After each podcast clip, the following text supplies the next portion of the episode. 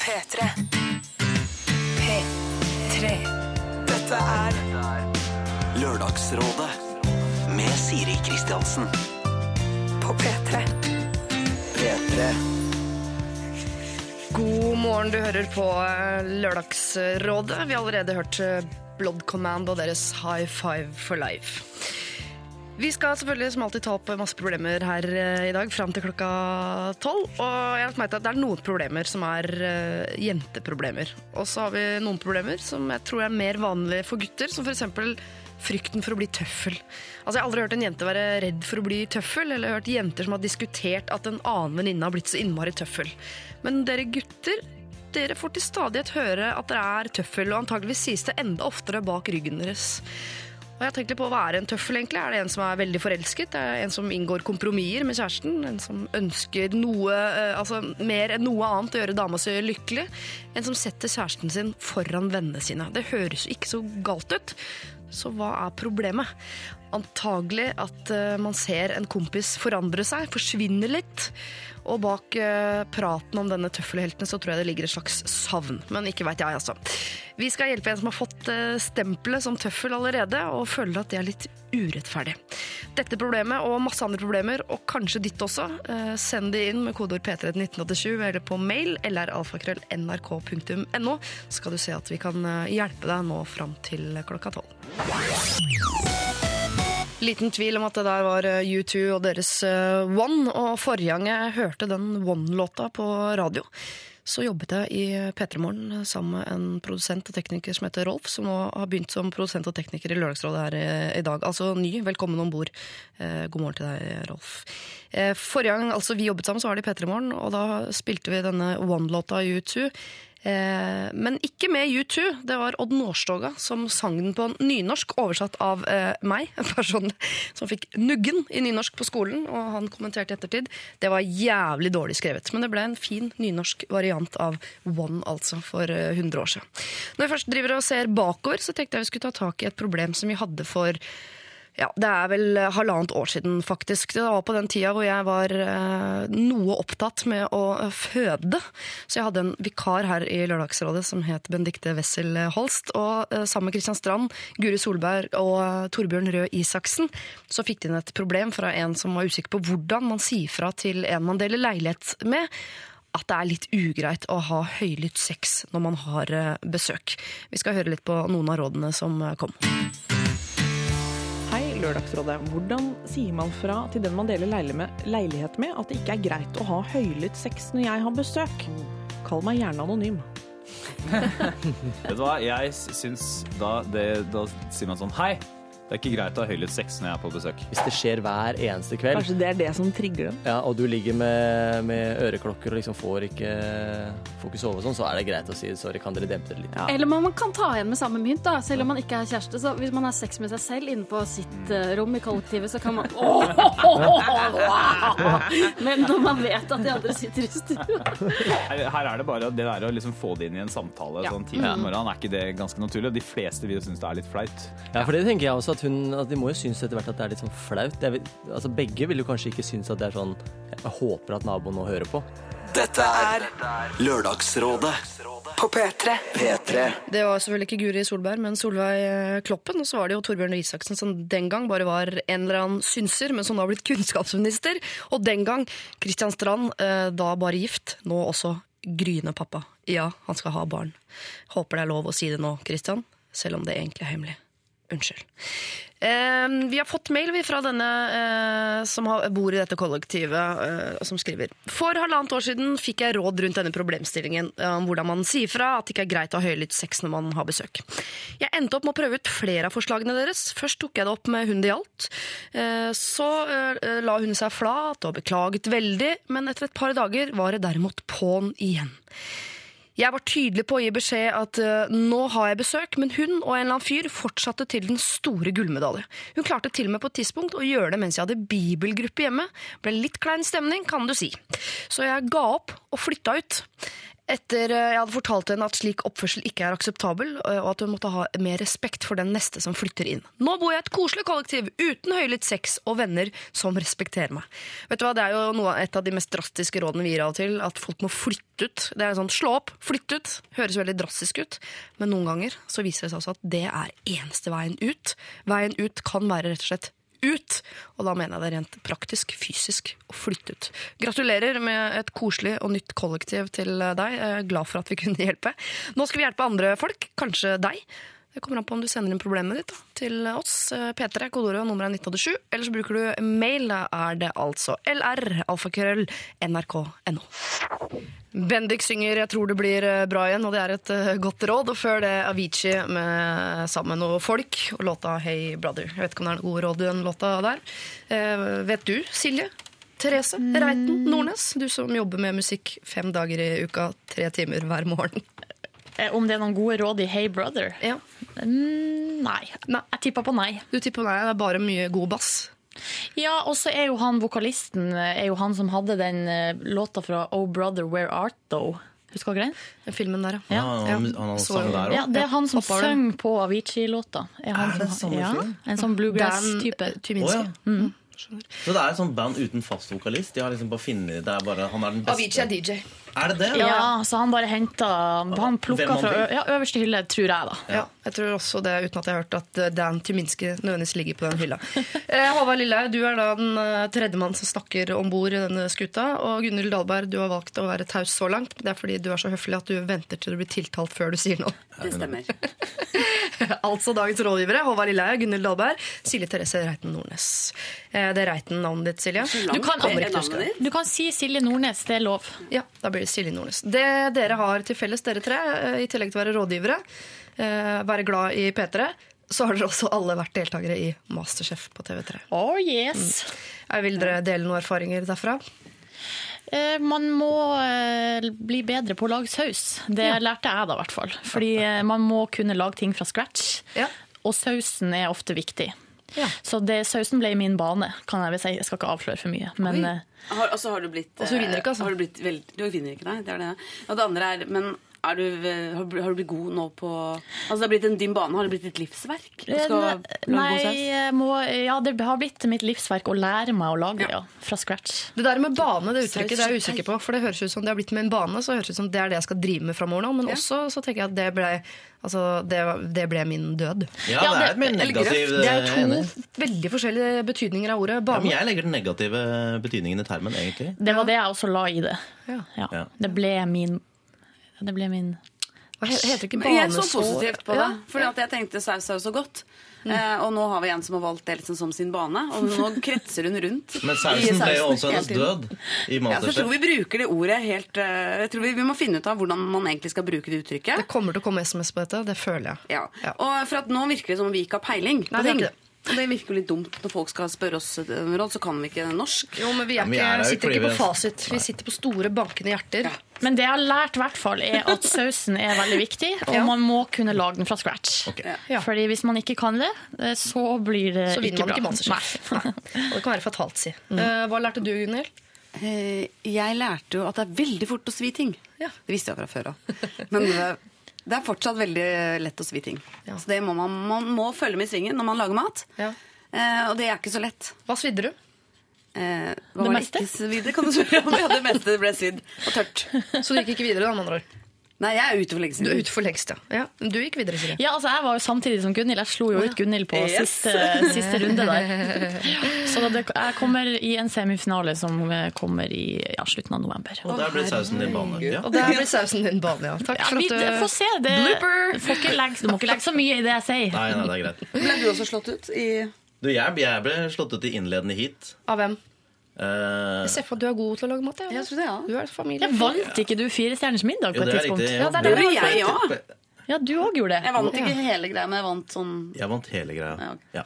Eh, men uh, ja, jeg, jeg røyk på uh, Vet du hva, nå har jeg glemt Hva ble det. din bane? Det, Negativ det var en sånn derre spansk dessert. Altså, det skulle bli sånn derre stekt melk.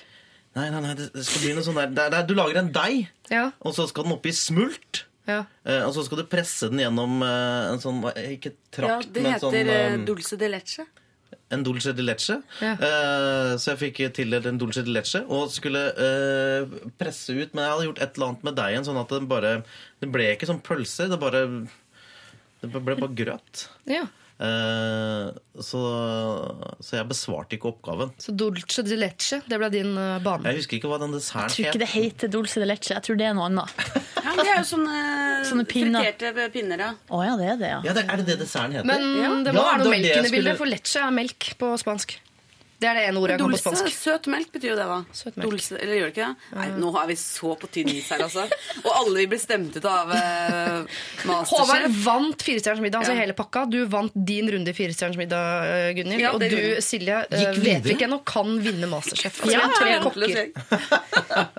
Da er jeg frista til å si at hvis det er noen som har matrelaterte problemer, så må de sende inn til uh, jeg. Lørdagsrådet i dag. P- Kodeordet er P3, nummer er 1987. Så kan vi sikkert eh, løse sauserelaterte problemer. Søt melk-problemer.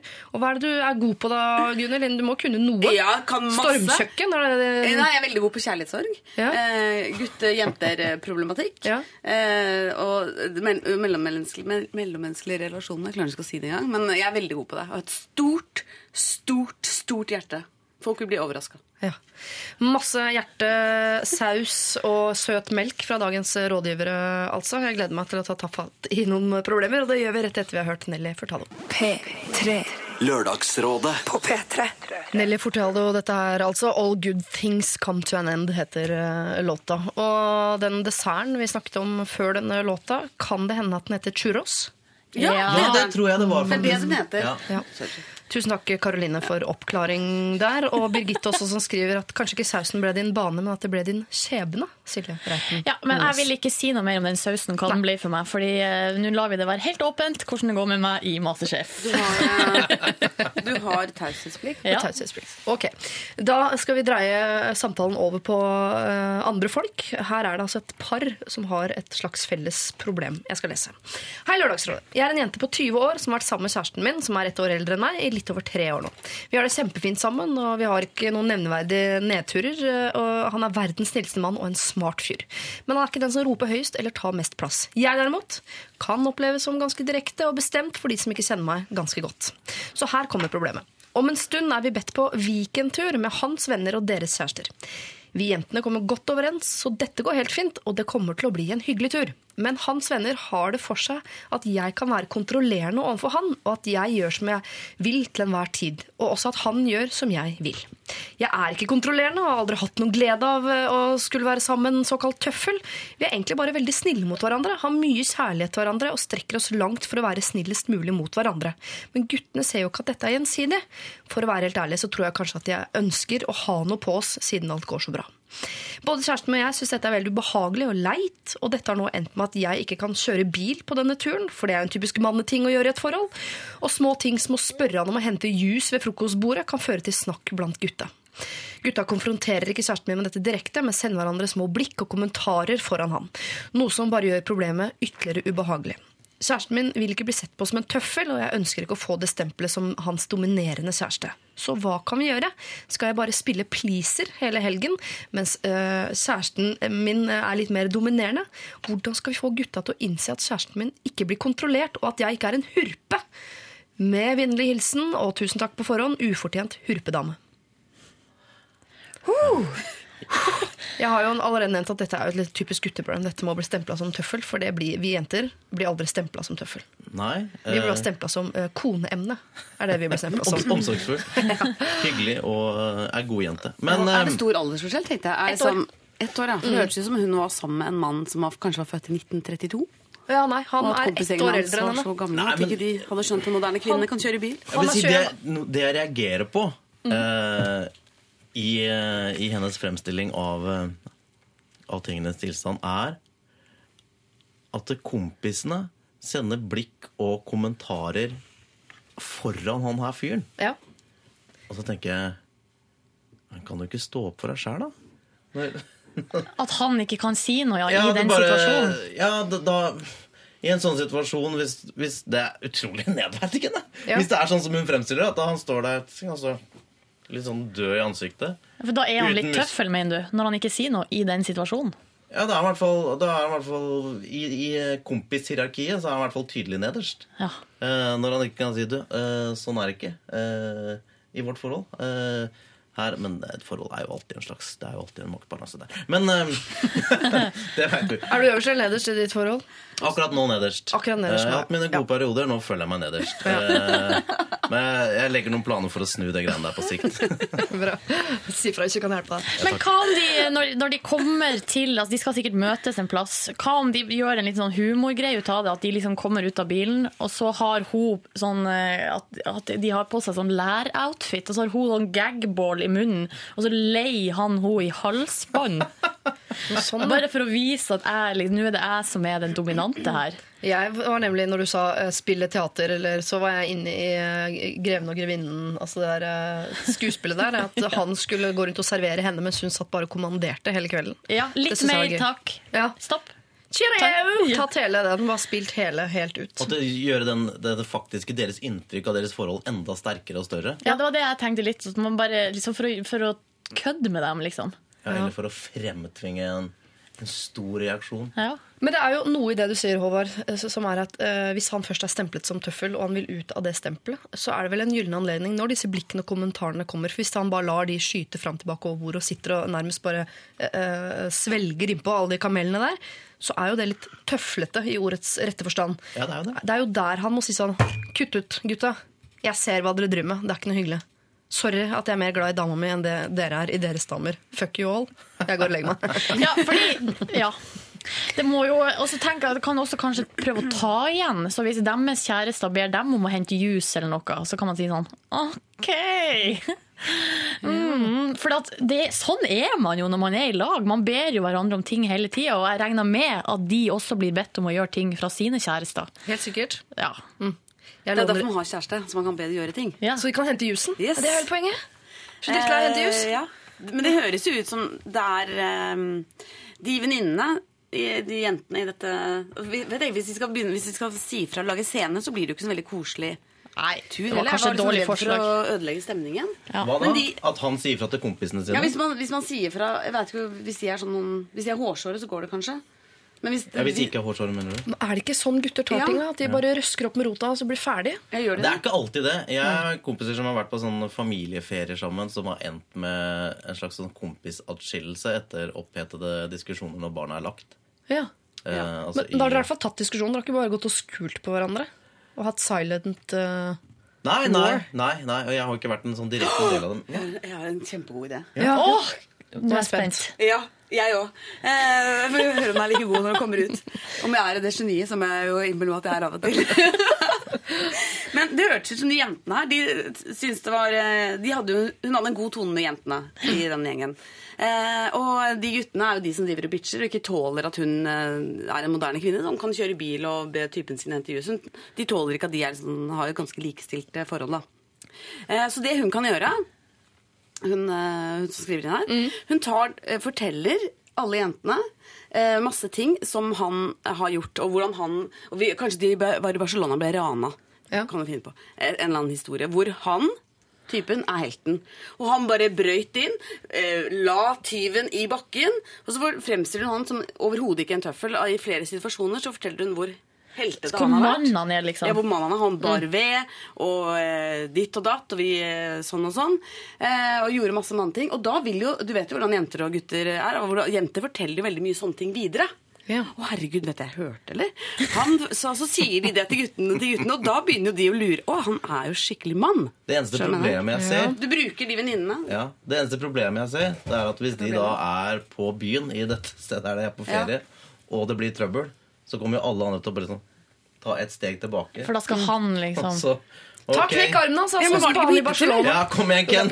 Ta Det er på hyttetur, så da kan hun, når de har liksom eh, Kanskje de skal på afterski eller noe sånt? i- Ja, så tar hun og forteller eller drypper sånne små historier her og der. Så da vil jo, når de kommer hjem, vil de jentene fortelle sin type hva, hvordan, hvilken mann han egentlig er. Og da, etter på sikt, da vil det her eh, løse seg. Tenk om løgnen blir avslørt på et eller annet. Ja, for det er akkurat der, for Da at da må hun inkludere sin kjæreste i det. For at hvis ikke så kan han plutselig bli konfrontert med sånn Ja, shit, jeg hørte det du gjorde i, i Barcelona.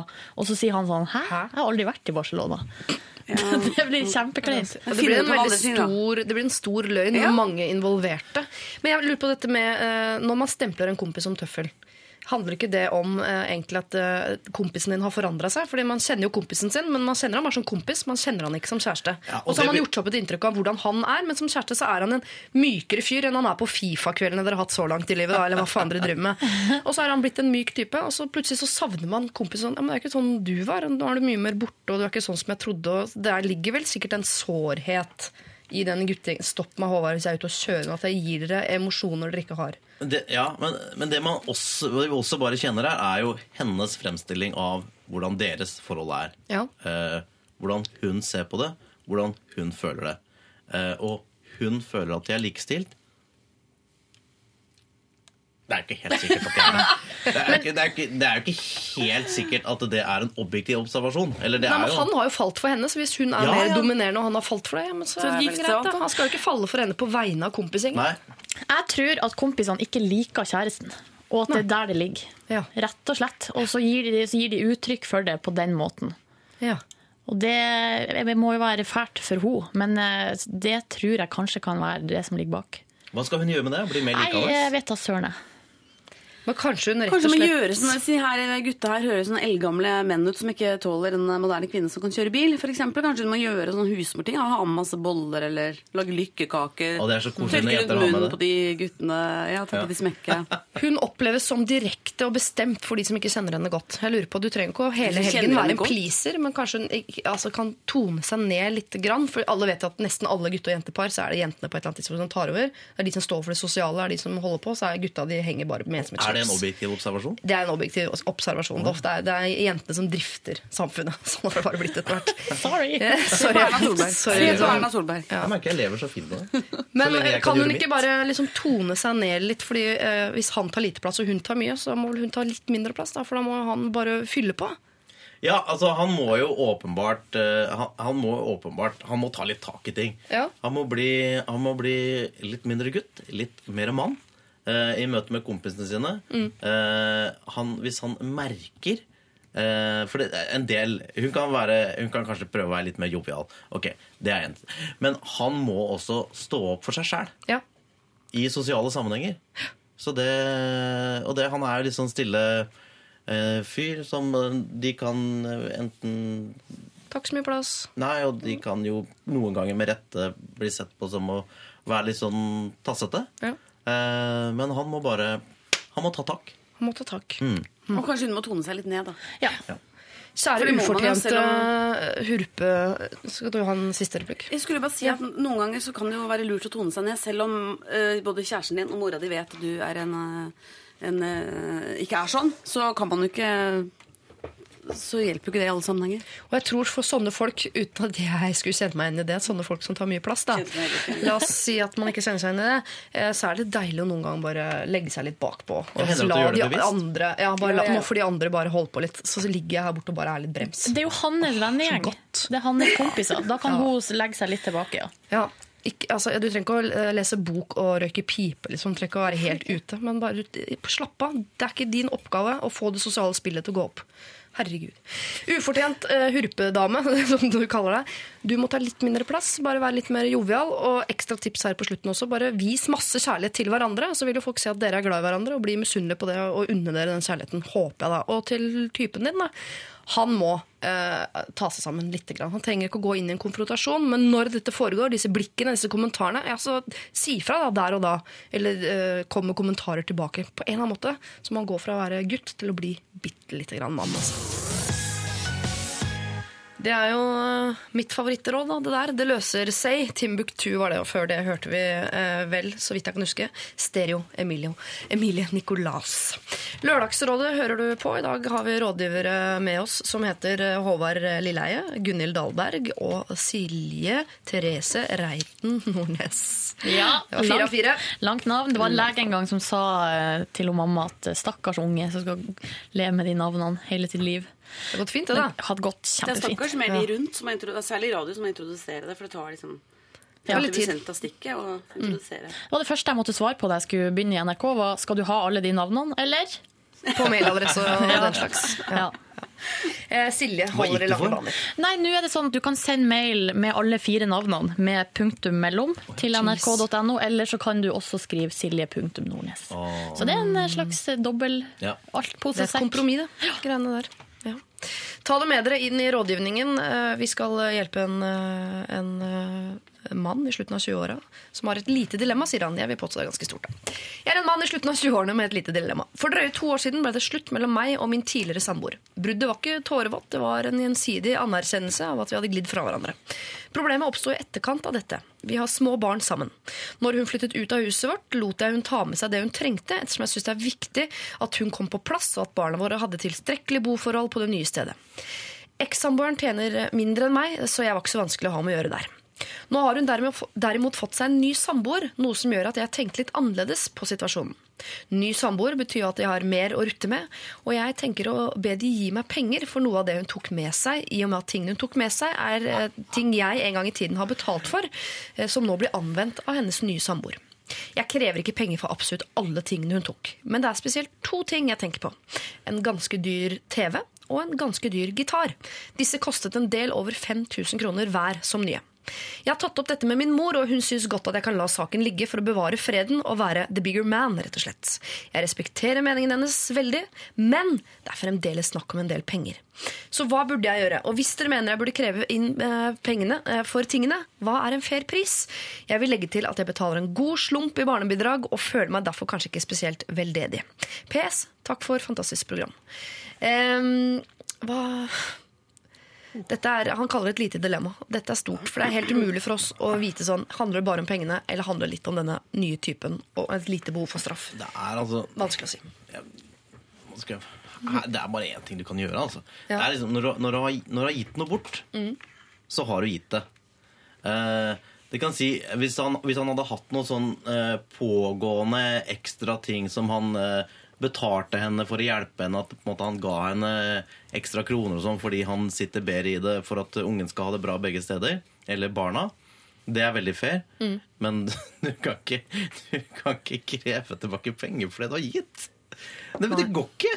Det er, det er ikke sånn det er. Ikke sånn det, er. Det, er, det er brudd på alle sosiale koder, selv om øh, Altså, det du har gitt eventuelt på en måte har gitt ekstra kanskje fram til nå, det kan du kanskje være litt sånn forsiktig med, for nå har hun en ny mann, og da er det på en eller annen måte Da er det jo hans ansvar eh, å og, og, og, og hjelpe henne hvis hun trenger ekstra bidrag fordi at eh, hun ikke tjener tilstrekkelig. Eh, men det du har gitt, kompis, det har du gitt. For Han legger det fram nå som at dette er en dyr TV som den nye typen sitter og ser på. Det er en, en, en dyr gitar som type, den nye typen sitter og klipper på. Men barna til- bruker vel disse tingene også. Det er hans barn. Det er ikke ikke ny typen sin barn. Og en TV til 5000, sorry, men i 2013 så er ikke det så mye. Ja, det Nei, jo, og de, de, de jo, den TV-en er jo ikke verdt så mye lenger. Nei. Altså, den er jo ikke verdt noe. En gitar holder seg kanskje litt sånn brukbart stabilt i verdi. Gitaren kan han få tilbake, da, kanskje. Hva skulle hun med den gitaren? Ja, for jeg også tenker, kan, kan han få tilbake gitaren? Eller? Ja. Kanskje, tenker jeg på Ja, gitaren. det er det eneste han kan be For at hvis de uh, i familien Uh, sitter og driver bru Hvis de ikke bruker den, for det er ofte gitarer er sånn som blir hengende slengende på en eller annen vegg eller en annet, Ja. uh, da, da kan man spørre veldig veldig forsiktig bruker, er det sånn at du bruker den gitaren. Hvis du ikke, kan jeg kanskje få den tilbake. Eh, men ellers så tenker jeg som Håvard, du har gitt det bort. Du kan, altså han Du kan ikke be om å få tilbake nummer én, eh, fordi at det kan man ikke. Eh, fordi man har gitt det, da har man gitt det. Og nummer to så tenker vi jo gjerne fort her at det er bitte litt sjalusi eh, ute og går. Det, og selv om han, eh, vår innsender her, dypt inni hjertet sitt mener Det har overhodet ingenting med sjalusi å gjøre, og han eh, mener det til han går i grava, så er det veldig mange rundt som ikke vil tro på han. Eh, og tenke det er litt sjalusi. Jeg tror det er setningen 'tingene hun tok som jeg en gang i tiden har betalt for', også nå blir anvendt av hennes nye samboer. Ja. Og til og med mora hans. Altså Tenk mora di, som støtter deg i alle situasjoner. Hun syns til og med mora di at du er pen når du har spy utover hele genseren og veier 120 kg f.eks. Da er det bare en mor som kan elske sin sønn. Til og med mora oppi den situasjonen sier La det ligge. Og da syns jeg vi bare skal høre på mor her. La det ligge. Jeg tenker at hvis det hadde vært La oss si at det f.eks. hadde vært en bil. Altså De går fra hverandre, de har to biler, han har betalt for begge. Og så sier han det er viktig at du har en bil, eh, for du skal kjøre våre barn rundt. Du kan ta den ene nå.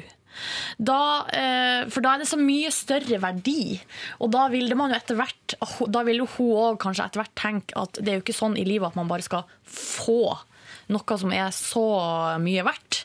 Eh, så jeg tenker at eh, verdien her for den TV-en og den gitaren er alt, altfor liten til å kunne kreve det tilbake nå, etterpå. Ja, for Vi må gi eh, denne mannen masse masse kred også, fordi han har jo vært utrolig grei i utgangspunktet. Ja. Som har tenkt vet du hva, nå er det slutt mellom oss. Jeg tjener mer enn deg. Ta det du trenger. Det er viktig for meg at du og våre barn har det bra på det nye stedet dere skal bo. Det er ekstremt raust. Eh, for Der er det mange som ville vært gniende både på TV-en og gitaren og skinnsofaen og alt. Så han har vært veldig grei. Og så syns han det er litt sårt nå at hun har fått seg en ny type, og vil da ha tilbake noe. Og gitaren har vi sagt du kan kanskje, kanskje, kanskje spørre om å få tilbake gitaren, med mindre det er sånn at et av barna dine går på gitarkurs, eller eh, eksdama di er gitarist i et stort, stort band. Eh, Da kan du ikke be om det. Men hvis den bare henger og slenger, som gitarer flest, så kan han be om å få tilbake det. Men TV-en Nei. Nei. Ja, og han Nei. kan få tilbake gitaren, men det å få liksom 3000 kroner for en, gitar, for en gammel gitar, det er det ikke verdt. Eller sånn, da blir det, det er for lite penger til at det kan veie opp for den potensielt dårlige stemninga som kan bli. Og han kan godt tenke jeg vil ha den tilbake, jeg vil ha tilbake TV-en, jeg vil ha til, og jeg er sur, og jeg er ditt og jeg er datt. Men jeg tenker i det øyeblikket han spør hun eksdama si kan jeg få tilbake, så vil hun bli så sur og tenke herregud, er du helt dust? Ja, så vil men- hun få ut alle piggene, og så vil hun begynne å straffe deg igjen med et eller annet fjas. Men Ja, hun må også gående. kunne Jeg synes jo at uh, Vi ser jo at han har vært veldig raus, og det burde hun også se. Ja. At hun fikk masse greier bare gratis av han da hun flytta ut. Mm. Sånn at hun burde jo Men hun som mor tenker nok ikke at hun fikk, hun tenker at barna fikk. Ja, De vil se på barne-TV der, og de syns det er gøy med den Jeg tror også at hennes oppfattelse vil være veldig annerledes enn hans Ja. i det han begynner å kreve ting. Det, men det jeg også tenker på, er at han, han skriver at, at han eh, tjener bedre enn henne, og med mindre hun har tjent liksom ekstremt dårlig, så tenker jeg TV og en gitar, altså det Gå på finn.no, liksom. Altså, det ordner seg. Ja. Eh, og, det, og det har hun antageligvis råd til òg. Men da har vel han også råd til å kjøpe ny. Ja. Og, og det er også godt mulig at i de årene de har vært sammen, så har han kjøpt TV og gitar, og hun har kjøpt masse mat som de har spist. Kneip Ja. har hun kjøpt. Og det kan ikke hun ta med seg når hun flytter gammel mat. For er det typisk, Nå skal jeg slutte med sånn kvinne-mann-greier. Altså, jeg er fæl til å gjøre det, men er det ikke litt typisk at han klinker til med flatskjerm og nyeste gipsen og alt det der? Og så står hun der med eh, fire Rema 1000-poser tre ganger i uka full av kneip og leverpostei og alt det der. eh, Og det tenker ikke menn på som utgifter. Jeg gjør det. Du gjør det. Ja. Bra, Håvard. Men du er en myk og fin mann. veldig, jeg, jeg, jeg er så overraskende myk. Men jeg, jeg, han, jeg handler jo inn mye òg. Ja. Men, så, men eh, som vi sa i starten, det er altså maktforholdet i forholdet nå er, ikke- er i min disfavør. Så eh, nei, Det er men- du som står for kneipinnkjøpet, mens Ja. kona kjøper uh... har, jeg har en langtidsplan. Jeg har en langtidsplan. Hjemmekinoanlegg og Men det her et problem her minte meg på at jeg har faktisk eh, samme greia egentlig selv. For jeg har jo et par ekstyper, og en av de har jo flere ting som jeg har gitt han i gave, som jeg den dag i dag, åtte år etter bruddet, tenker Han trenger ikke den, de tinga der. Kan jeg be om å få tilbake? Svaret er nei. Ja, Jeg har ikke gjort det ennå, men jeg, har, jeg tenker på det kanskje en gang i året. Faen at han har den tingen. Faktisk- Jævlig fin suvenir fra Kina som jeg kjøpte til han. Men apropos- En Mao tekanne. Kan dere tenke dere? Hvis du hører på, hun vil ha den igjen. Men, men apropos at man er opphengt i sånne gamle kjønnsrollemønster. Faktisk nå merker jeg sånn at intuitivt, når du sa det, Ja. så følte jeg Og det er jo Det, det handler jo det handler mye om meg. Så følte jeg at det er, det er, det er verre hvis en mann går og, og ber om å få tilbake ting, enn hvis en dame gjør det. Jeg er litt enig, faktisk. Jeg tenkte at, vi, ja, jeg tenkte at det var, ja, Hvis Gunhild trenger den kanna, så greit. Da må jeg be om det. Men hvis han ber om gitaren og flatskjermen, så tenker jeg du tar deg sammen, da, mann. Jeg, jeg skal ikke jeg ta meg sammen, er det det vi sier? Skal jeg, Du trenger ikke å ta deg sammen, det er ditt privilegium. Du, du har lov til å være emosjonell. Ja, men det er jo, for jeg har tenkt liksom, det er nemlig en sånn suvenir, stor tekanne. Ja. Kjempestor tekanne med Mao på. er det ekte? Er det noen gammel antikvitet? Ja, fra Kina. Nei, det er jo fra Det er sånn eh, Det er ikke en antikvitet. Det er, sånn, Det er ikke fra Shangri-La. Nei, det er sånn, hva skal jeg si, kommunistisk eh, nips. Ja. Det er propagandaservise. Ja. Eh, en stor tekanne med mal på, og et stort eh, sånn bollefat, eh, serveringsfat med mal på. Og jeg tenkte, driver han og serverer de nye damene sine med, den, eh, med det som jeg ga han i gave? Faen, det trenger ikke han. Nå skal han gifte seg og alt. Ja, hva heter han da? Kanskje du kan sende han en Nå er vi jo på SMS lufta. Ja, nå. så kan vi få Ja, vite gjør det litt mens vi senere. er, Send SMS mens vi er på lufta. Og så, og så følger se. vi det Jeg opp. har ikke Ja. nummeret hans lenger. vet du. Jeg har det. Jeg har ikke kontakt med han. Ja. Nei, jeg har lyst på en jævla tekanne. Nå har Jeg han har faen meg spist flyttet det til for å Bergen. si det sånn. Jeg har bedt om å få tilbake gave to ganger i mitt liv, så jeg, selv om jeg mener egentlig at det ikke er lov, så har jeg gjort det ved to anledninger. Den ene gang var jeg eh, kanskje syv år, hadde arvet masse gamle gullsmykker av farmora mi som jeg ga til en venninne for å være grei, og da sa mamma de får du tilbake. Så gikk jeg til venninnen og sa jeg må få tilbake de gullkjedene som du fikk. Det var den ene gangen. Og den andre gangen så hadde jeg lagd egenhendig et sjakkbrett med backgammon på baksiden. Jeg hadde frest ut og ordna i flammebjørk. Og, altså, det var et nydelig håndverk. Nydelig håndverk. Ga det til broderen til jul. Tenkte sånn, nå blir han så glad. Og han har, han har ikke rørt det. Jeg tenkte sånn, det brettet betyr mer for meg enn deg. Spurte om å få det tilbake. Det er nå mitt. Jeg aner ikke hvor det er. Så du flammebjørk eller flammebøk? Flammebjørk. ja. Finske flammebøk. Eh, Så han som sendte inn nå, må bare skjønne her at uh, vi kan godt gjøre som vi sier, men vi er jo ikke helt uh, Altså, vi har, vi har liksom våre stygge tanker, vi òg. Ja. Summa summarum så vil jeg si at man eh, ber aldri om å få en gave tilbake, med mindre man har vært dum og gitt bort arvegods. Eh, Men den gitaren, hvis den ikke brukes, så kan du du kan kanskje spørre om å få den tilbake, men du skal være klar over at du potensielt, muligens, eh, setter i gang en krig. Og den krigen den er eh, verre enn mangelen på en gitar. Dette er Lørdagsrådet På P3. P3. Favorittlåt må være lov eh, å si. Bastille med deres eh, Laura Palmer, som jo også er et favorittmenneske i min eh, bok. I min dagbok. Eh, Silje, P3 Morgen-Silje. Gunhild eh, Dahlberg. eh, Den ene stroppen på genseren din henger utafor. Er. Ja, men hvorfor har man Hvorfor er det sånn? sånne ting? Ja. Er det en, er det en Har du sett, eh, lagt merke til det, det. Håvard Lilleheie? Har du lagt merke til det? At den henger utafor? Nei, det, Altså, det, det er har vært eh, uforvarende, men hva, hva er er funksjonen? Det her er jo Hennes og Maurits et nøtteskall. Ja, det er sånne stropper som man kan henge T-skjorter på kleshenger for at de skal henge fast. At de ikke skal dette. Men Er det hvem er det? det som har bomullsskjortene sine, sånn T-skjorte på en henger? Det er bare i Det er bare i butikken. butikken. Det jeg tror det er meningen at man skal klippe dem av. Det er Provoserende. Jeg gjør det av og til. Ja. Jeg bare ville vi At den hang på utsida, greit å vite. Kanskje det kan være dekor? Nei. Nei, det kan det ikke. Jeg føler at Det er litt sorry, Det er ikke helt det der, men det er som om litt av trusa eller bh-en syns. Hvis du skjønner. At det er noe av det som skal være på innsiden, som henger utafor. Ja. Det Jeg jeg det er mer privat. hyggelig hvis litt Så av bra BH-en det er eller trusa syns for det. Ja. Det er litt som å ha åpen buksesmekk-aktig. Ja, det, det det er er si sjelden positivt. Ja, veldig sjelden positivt. Vi går videre i sendinga. Hei og hå, Lørdagsrådet. Kjæresten min tror han er en utrolig artig og morsom entertainer. Han går alltid rundt og synger, holder små standup-monologer og skriver egne vitser. Problemet er at han har fått altfor mye selvtillit rundt leirbålet på speiderleir. Det slår sikkert an der, men jeg orker ikke leve i et jævla leirbålshelvete med Donald-vitser og artige små opptrinn og, og viser. Jeg må jo være prøvekanin for alle ideer han har. Hva skal jeg gjøre? Jeg vet at kjæresten min lever og ånder for revyhumor og leirbålsopptreden, men jeg syns det har gått for langt nå. Jeg vil rett og slett avvenne ham uh, litt fra speiding. Sende ham på en slags uh, speidingsrehab. Har dere noen uh, tips? PS. Til jul i fjor fikk jeg en egenkomponert sketsj i julegave.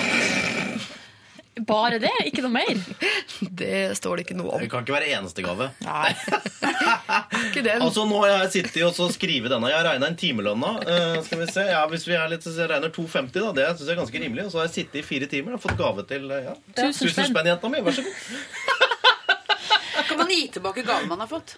Ja, ja, sånn den vitsen. Ja. Eller den egenproduserte sketsjen. Nei, det vir her virker det som en fyr som uh, Nei, jeg snakker først hver gang. Jeg, virker, nå Men jeg tenker du, Jeg må være ærlig og si min første tanke her var festbrems. Er det mulig, du Altså, kjæreste, å være så festbrems? Hvis du ikke altså, vi, altså, Det høres ut som det er en kjempestor del av personligheten til han her fyren. Og hvis du ikke liker den, ja, da har du et problem. Eh, Fordi hvis, hun, hvis man skal gjøre og ta vekk liksom, Jeg jeg kan ha full forståelse for at hun syns det er slitsomt, men da må hun finne seg en annen kjæreste. Ja. Sorry. Det er jo det med mange jenter at de, eh, de vitsene de ler høyt av i starten, de på en eller annen måte de og selv om det ikke er helt samme vitsen heller, men kanskje bare bygd opp rundt et slags samme referansegrunnlag, det vet jeg av erfaring, eh, de blir noen ganger sånn mindre morsomme ute i forholdet. Men det er Jeg merker jo- forelskelsen som dabber av. Ja, forelskelsen dabber av, og, og Dette ser jeg at du har tenkt mye på, Håvard, for nå ble du nesten blank i øya. Ja. Er dette, Syns ikke kona at du er morsom lenger? Jo, jo, jeg tror det hender, altså. Ja. Jeg tror det hender, men det er jo ikke Det er mindre heiing. Jo, men jeg kjenner meg igjen i det, for det er jo. Man har jo ofte liksom møtt eh, kjæresten sin på, uh, ute på byen, f.eks. Og syns det er kjempegøy når han er full og rar. Og sånn Og så blir man sammen, så er det akkurat sånn Så blir man bare flau over alt det man før syntes var litt gøy. Det er et eller annet som skjer idet man blir kjæreste. Så blir alt som før var gøy, det blir flaut. For hun har jo falt for han her leirbålshelvetemannen. Hvorfor gjorde hun det? Det, det er selvfølgelig fordi han er en uh, utadvendt, uh, blid type. Ja. Uh, og det er jo generelt i samfunnet ganske Det er hyggelig å møte sånne. Eh, men så skrur han seg ikke av. ikke sant? Han er den han er eh, uansett. Og så er det, det, hvis, hvis jeg skal ta henne litt i forsvar, da. Ja, gjør det.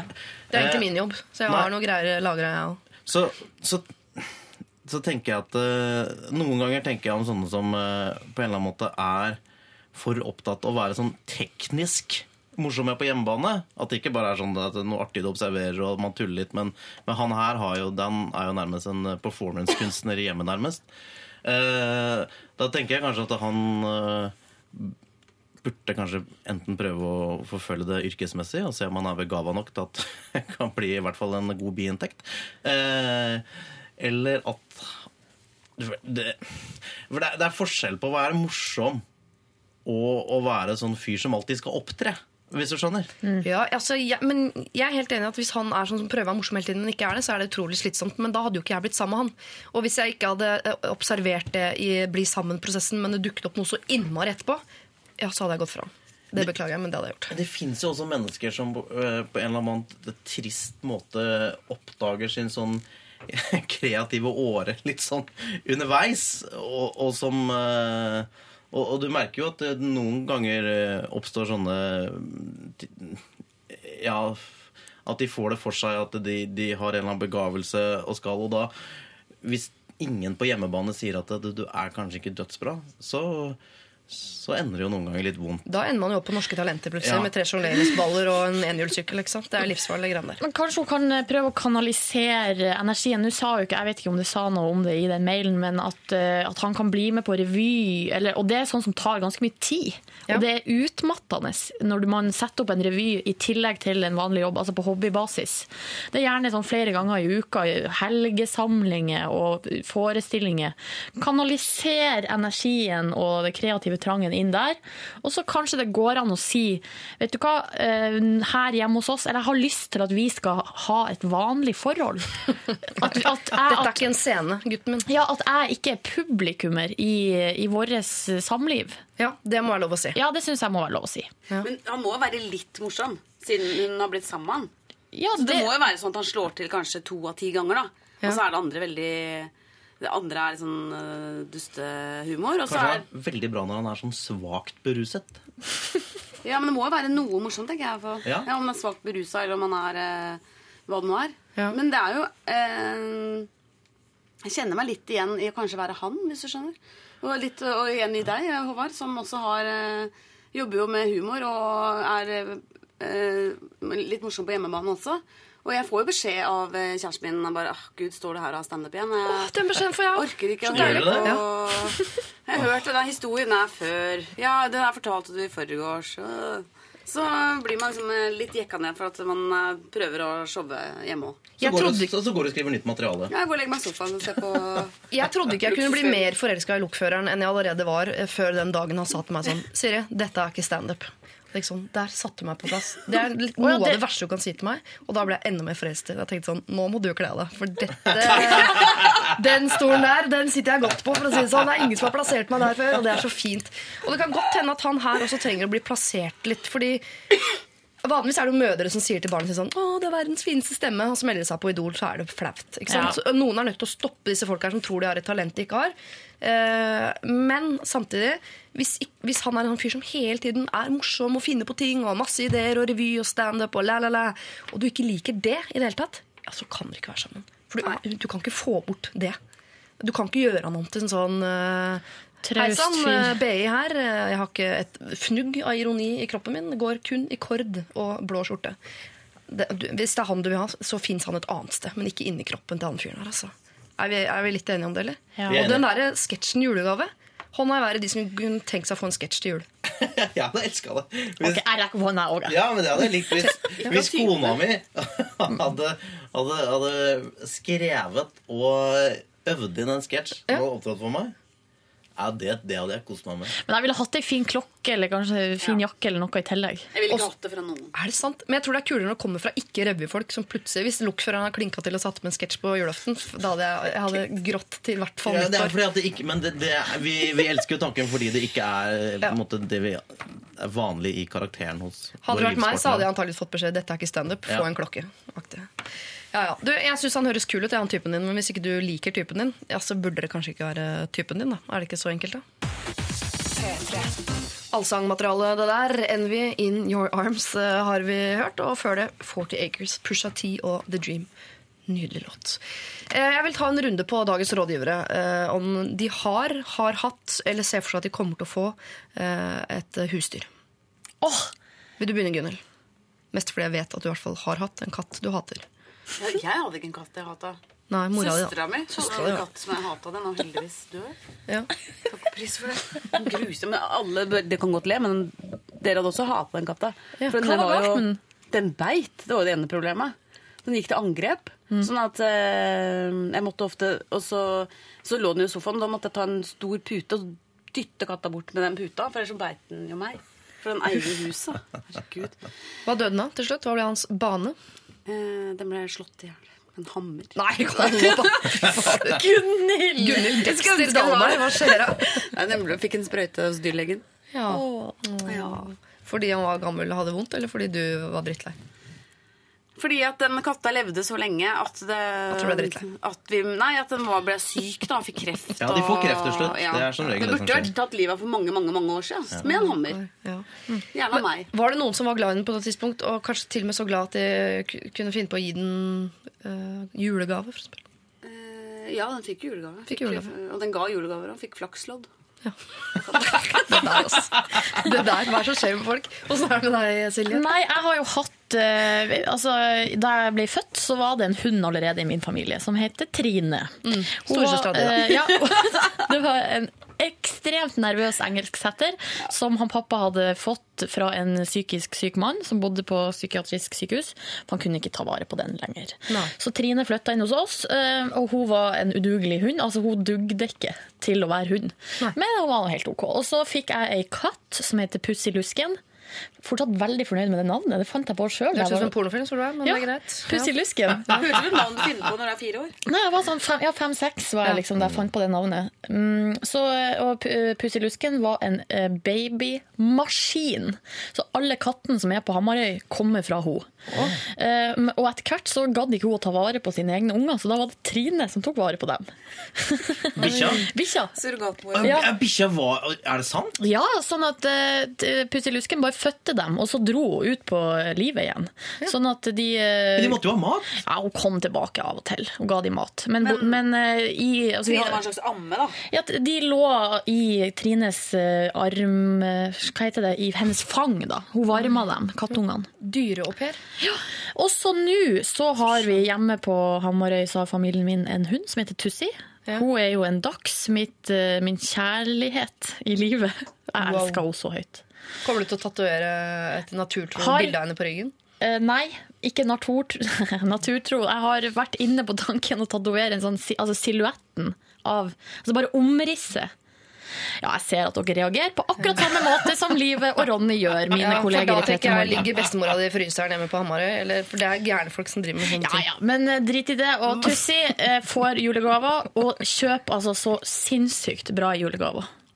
Eksempel? Eh, eksempel så kjøpte Tussi en gang en tivoliradio til mamma. Oi. Ja, det er Men bra. har hun satt opp noe revy, lurer jeg på? Får dere noen sketsjer? Nei.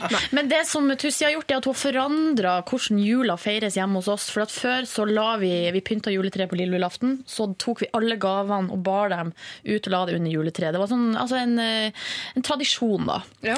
En, eh, ja. Men det som skjedde et år, var at vi sto på, lille julaften, nei, på julaften. Og da hadde Tussi altså pakka plukka opp alle gavene. Fordi det var én gave der med sjokolade i. Ja. Så, eh, det, så da, da har vi aldri gjort det igjen i etterkant. Tuss, jeg, Håvard, jeg ser ikke for meg at du er ikke en dyremann. Jeg, jeg, jeg elsker dyr, jeg. Ja. Ja, jeg er veldig, veldig dyreglad. Har du egne, da? Eh, nei. Men jeg, jeg vokste opp eh, Akkurat som du sier, jeg vokste opp med hund. Eh, hele, hele min barndom. Hvordan hund? Schæfer. Ja. Schæferbikkjer. Ja. Eh, tisper. eh, hele veien. Eh, og vi, vi har masse sånn, når jeg vokste opp, så hadde vi masse sånn valpekull og, Å, det er koselig. og sånne ting. Så jeg er veldig dyreglad, men jeg tror ikke jeg er Jeg tror ikke jeg er moden nok til å ha ansvar for et dyr. Men du har barn. Ja, men, men der er jeg på en eller annen måte Du vet, Han er mitt eget blod, så, så Mm. der går jeg gjennom ild og vann. Det vil bikkja nødvendigvis ikke være, selv om jeg er veldig dyreglad. Men, uh, Du har ikke noen en slags sjefetispe gående hjemme? Du si at du er underdanig på hjemmebane om dagen. Så Apropos kona mi, er veldig, hun vil ikke ha dyr. Men, eh, men det er eh, Jeg syns det er veldig Her, her om dagen Ja. så, så, gikk jeg, så gikk jeg tur i skauen da med, med mitt eget blod, Nils Lilleheie. Mm. Og, og da kom det en sånn katt Mm. Som kom og, så, og var med oss på hele turen. Nei. Som ei bikkje. Gikk sammen med oss. Når vi satte oss ned, så kom hun og koste litt og liksom var med på turen. Ville jo tigge mat, da. Så koselig. Hæ? Hun sulten, mat. Hvis du er søtt med en katt med en rumensk dame, så er det kjipt. Hva da? Den bikkja, den katta vil jo ha mat. Og penger. Katta ville jo ha kos. Hun var ikke, det var ikke, det var ikke, Nei, en, jeg- det var ikke en østeuropeisk tigger. Det var, Nei, jeg bare tenker at det, det var en nydelig katt. og Det var en katt som var i godt Jeg bare syns, ja, jeg bare syns at man setter ofte dyr høyere enn mennesker, og det, og det hører jeg på deg òg. Jeg blir provosert av det. Nei, men jeg, jeg flirer nå, for at du, set, du setter jo fingeren på noe som er på en måte sant. Derfor ler jeg. Jeg kjempelyst til å ta en runde på dette. Folk som eh, kloner dyra sine, og som tar organdonasjon på dyr. sånn, For der han ble jeg for å tenke sånn Dyr er dyr. men Hvis dyr er sykt, så må det dø. I Norge gjør vi ikke det. Jo da. Folk holder på å bruke 9000 på uh, levertransplantasjon på lille Tussi. Altså sånne Da og, der aner ikke mye penger foreldrene mine har brukt på å redde den der sinnssyke katta som jeg fortalte om i stad. Som har uh, operert masse kreftkuler. Ja. Vi kunne jo liksom ha bodd i et palass i Lier for de pengene der. Og det, det er din våte drøm. Men, eh, men altså, det er jo, liksom. hvis, hvis man da går for uh, et raseeksemplar og, og lar dette raseeksemplaret eh, formere seg med et framifra raseeksemplar, Mhm. så, så er det jo Det, det er jo, kan jo være en litt økonomi i det òg. Altså, apropos pengebruk. På dyra blir vi jo rasister, hører du det selv? Mm. At der er det virkelig sånn rendyrket Ja. rase, inn på nett og logge, og der er vi helt Jo, vi har Ja. et syn Ja, på men jeg, jeg er egentlig for blandingshunder. Ja. Er ikke de ofte mer normale til Ja, ja, jeg syns det er kanskje de beste hundene. Ja. Men det er jo ikke noe marked for dem. Men Tussi er jo en, slik, en billig variant. Det har vi jo ikke sagt til henne, så hun er ikke klar over det sjøl. Men hun kom litt ekstra billig fordi hun hadde noe galt med halen, så hun kunne ikke bli sånn prisbelønt eh, sånn showbikkje. Og eh, jeg er altså like glad i henne for det, om kanskje enda mer. Jeg gleder meg til dagen vi er der at katter får silikonpupper og bikkjene bleker rumpehullet. Altså, da er vi på et Bleke anus på lille Tussi. Nei! Hold dere unna, Tussi! Ja, men Tussi de har ganske blek anus i utgangspunktet, faktisk, eh, kattene. For de, de, det ser man jo ofte, de løfter jo på halen. Det er veldig det er blek anusåpning. Ok, dere. Vi skal eh, gå videre, men ikke så langt. Vi skal holde oss innenfor dyreverden og eh, hvorvidt de må behandles som mennesker eller ikke. Og jeg gleder meg til å se hvor enige skråstrek uenige dere er der, i og med at Gunhild Dahlberg jo står på en helt annen planet enn Håvard og Silje. Eh, lykke til. Vi får høre problemet på andre siden av Kvelertak. Dette her er Evig vandrer. Kvelertak, evig vandrer. Og jeg, eh, jeg er nesten så jeg ikke vet om jeg angrer på hva jeg har satt i gang blant dagens eh, rådgivere ved å snakke om husdyr. Der tente jeg en, en gnist i noen og enhver her i, i studio. Silje, Reiten, Therese, Reinten, Nordnes, Ja. Silje. Gunhild, eh, hva kalte jeg? Gunhild Dexter Dahlberg og Håvard Lego Lilleheie. Jeg sier Lego fordi du har med Lego hit i dag. Ja, Jeg vil på om har med den Lego, for jeg lurte på hvorfor den lå i Nei, studio. Det må være noen Nils-lego som vi har funnet i en lomme. Ja. Antakeligvis. Ja, Nils som har vært og lagt eh, små gaver i lomma di. Han elsker små-lego. Mm. Det er det beste han vet. Min For han er blitt så gammel at han har lekt med små Lego. Han er fire år. Ja. Putter ikke i munnen. Svelger. Nei, nei. Men han bruker, han bruker munnen til å ta løs bit sånn. Det er lov. Det gjør alle. Ja. Det er lov. Putter i munnen på lillesøster hjemme hos oss, sånn at hun kan svelge det. Mm. Vi hadde ett uhell her om dagen. Han, sitte på, han er ikke så glad i å gå på do, så noen ganger så setter jeg fram potta. Ja. Så da, da mista han Lego ned i tisset sitt mens han eh, Er det den du sitter og klår på nå, eller? Ja, kom, er det Du den tok samme? meg i hånda med i stad. Det er den samme. Nei, det er ikke For det var en, det var en større brikke. Ja, ok, Ja. bra. Duplo? Nei, nei, det var smålego, men dette er jo Nå blir jeg veldig teknisk, men dette er jo toer. Dette er en flat toer. Dette er jo den nest minste legoen. Aldri skjønt hva man skulle med de flate toerne. De bruker de lite. Jo da. Å, nei, altså eh, Det- Nils bruker de eh, masse. vinduskarmer. Ja. Nei, men også eh, Nils han bygger jo mest sånne eh, biler og spaceships og sånn. Og, Ja. og sånn. Og så bruker han veldig mye de toerne både til å dekorere, og gjerne hvis det skal være Han liker at det er skytevåpen på, på installasjonene. Så klart. Fire Ja. år gammel, elsker våpen. Å, han er så, er så våpenglad! Det er alltid et godt tegn. Og det dyrker jeg. Jeg som var Eh, stressa men- for hva jeg satte i gang den dyrepraten, eh, ante jo ikke hva jeg satte i gang med den legopraten. Eh, jeg lurer på om vi bare legger lokk på okay. den, ja, av hensyn til våre lyttere som ikke har barn, og tenker at det er det kjedeligste i hele verden. Men vi har Lego. Eh, vi tar et problem som er tilbake da, i denne dyreverdenen. Hei, Lørdagsrådet. Jeg hadde eh, denne statusen på Facebook i går i håp om at noen av vennene mine kunne hjelpe meg, men føler at jeg ikke ble noe klokere. Kanskje det fantastiske Lørdagsrådet kan gi meg noen gode råd. Her er statusen. Jeg har to foreldre, tre søstre og ni, snart ti tantebarn. Det vil si at nesten hver helg er en eller annen familiær begivenhet, og det er veldig koselig. Men i går fikk jeg bursdagsinvitasjon til Stella, som blir to år. Stella er en hund. Jeg takket nei, men nå viser det seg at de aller fleste i familien min skal i dette bursdagsselskapet, og de har kjøpt gaver også. Er jeg et dårlig menneske når jeg ikke vil feire tantehunden min? Jeg fikk for øvrig 26 likes og 10 kommentarer på dette på Facebook. Så skriver vi videre. Jeg er en jente på 34 år, jeg er singel og føler at jeg allerede tilbringer ganske mye tid med familien. Og som jeg skriver, det er hyggelig nok det. Jeg baker kake, passer tantebarn og prøver å strekke til så godt jeg kan. Men hvis husdyr også skal feires, så kommer jeg ikke til å få tid til noe annet enn å gå i disse selskapene. Hjelp! Syns vi eh, hun skal gå i eh, bursdag til sin tantehund? Vi lar vel Gunhild Dahlberg begynne her. Hun skal jo selvfølgelig ikke gå i bursdagen til eh, tantebikkja. Eh, det er jo nok familiære ting allerede, og det har jeg merka. For jeg har vært veldig jeg, eh, Etter at jeg fikk barn, så har jeg mm, være, må jeg være med på mange mer familieselskaper. Eh, og, og det tenkte jeg på senest i går, at eh, det privilegiet man har som når man ikke har barn, er å si nei til alle mulige sånn familieting og bare forsyne seg av uh, livets herligheter. Det være seg afterski, uh, nachspiel uh, eller en uh, fjelltur, en konsert, en eh, revy. Eh, og man er overhodet ikke forplikta til å gå eh, i selskapet. I hvert fall ikke til bikkjer. Hallo. Nei, Jeg er helt enig. Jeg er utrolig glad i husdyr, og Stella er sikkert helt fantastisk eh, liten To år er jo en veldig rundt tall da, for hunder. Det er en stor dag, men eh, jeg Er det 14 år, da? Da blir Det er som 14 år. konfirmasjon. Det er Ja, det konfirmasjon en stor dag. Ja. Nei, men jeg er helt enig med Gunhild at um, det virker som at hun her jenta stiller opp så det, så det monner, og, er, og har masse kontakt med familien sin. Så da er det vel kanskje ikke akkurat her det skal prioriteres hardest. Altså å gå på det. det da, det må hun få lov til å gjøre noe annet, ja. Helt enig. Og at det familien alle plutselig skal i den, eh, det vitner om at de har bitte litt eh, lite å finne på. Ja, de har litt lite. bursdag med en hund. Ja, eller litt for glad i kaker, altså. Som Ja. bruker enhver anledning til å Unnskyldning til å møtes. Men det er jo sånn, hvis man, hvis man ønsker å møtes i en sosial setting, så, er det jo, så, er- så syns jeg ikke en hundebursdag står ikke tilbake for noen ting. Det er koselig, det. Vet du hva jeg lurer på? Nei. Jeg lurer på om det finnes noe eh, forskning på eh, hvilket segment av befolkningen som eh, mest sannsynlig inviterer til hundebursdag. Altså, Tussi sin ettårsdag ble feira med kake, og da var det en kompis av henne som het Kasper, som kom. Men en blir det da sendt ut formelle invitasjoner til slekt? Nei, det var mammas venninne som hadde denne hunden Kasper, så hun kom.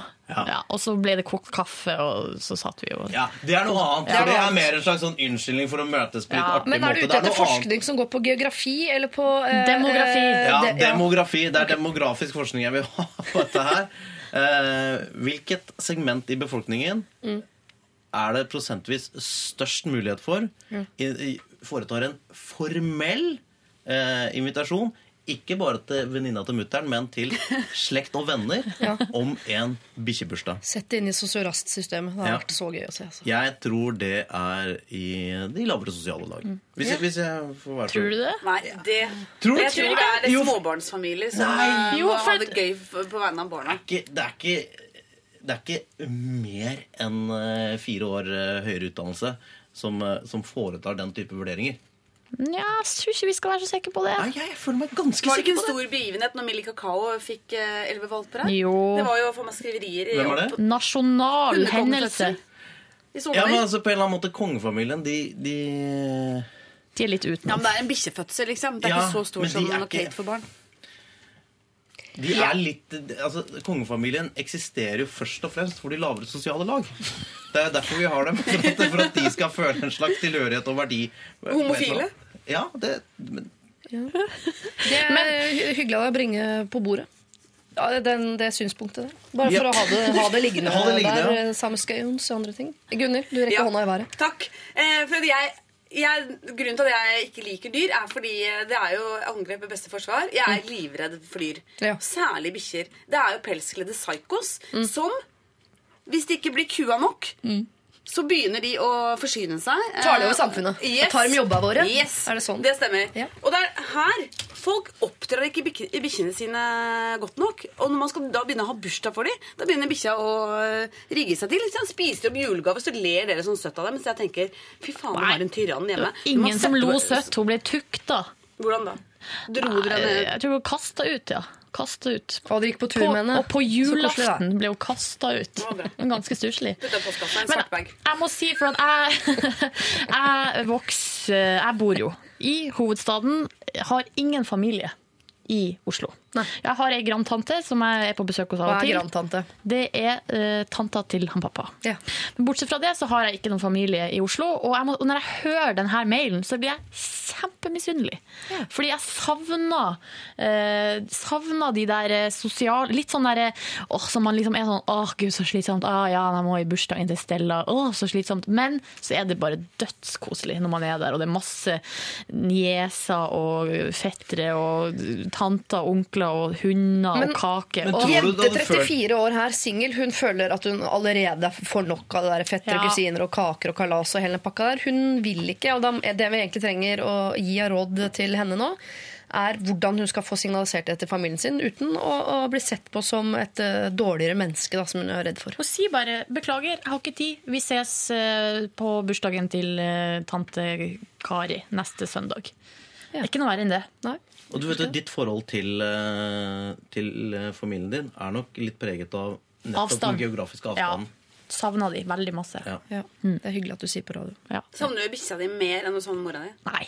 Er du sikker på det? Ja. Setter du hunden over noen av ta- familie, familiemedlemmene dine? En fetter Du ville eller noe? tatovert bikkja di, men du ville ikke tatovert mora di. Da betyr det at du setter bikkja omrisset, over tatovere omrisset av mutter'n.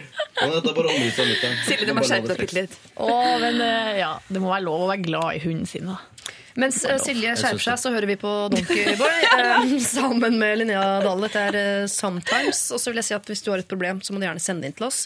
LR, alfakrøll.nrk.no, eller med koder P3 til 1987. Og til du som sendte inn problemet, ikke gå i hundebursdag. Du trenger ikke det. Truls kan du se live på P3 Gull hvis du er så heldig å skulle dit. Du hørte han nå i Lørdagsrådet med Out of Yourself, og før det Donkeyboy sammen med Linnea Dale og deres Sometimes. Vi skal bevege oss inn i litt eh, mobilrot, eh, folkens. Gunhild eh, Dahlberg, Håvard Lilleheie og Silje Therese Reiten Nordnes. Jeg leser. Hei!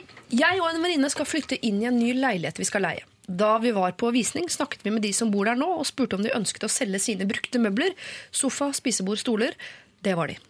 Og sendte melding med pris på 7500 kroner. Vi syntes det var veldig stivt med 7500 for en fire år gammel sofa og et spisebord. Det er ikke fantastiske møbler, dette, bare helt vanlig standard. Vi har sendt melding fram og tilbake hvor vi sier det blir for mye for oss og gi for møblene. Jeg har sendt melding med hun som skal selge møblene, og til venninnen min, og i går greide jeg altså å sende feil. Jeg sendte følgende melding til møbeldama som skulle vært til venninnen min. Ja, skrev til hun at det var altfor mye, men håper hun ikke stikker av med alt annet også, da. Men seriøst, er hun helt retard, eller?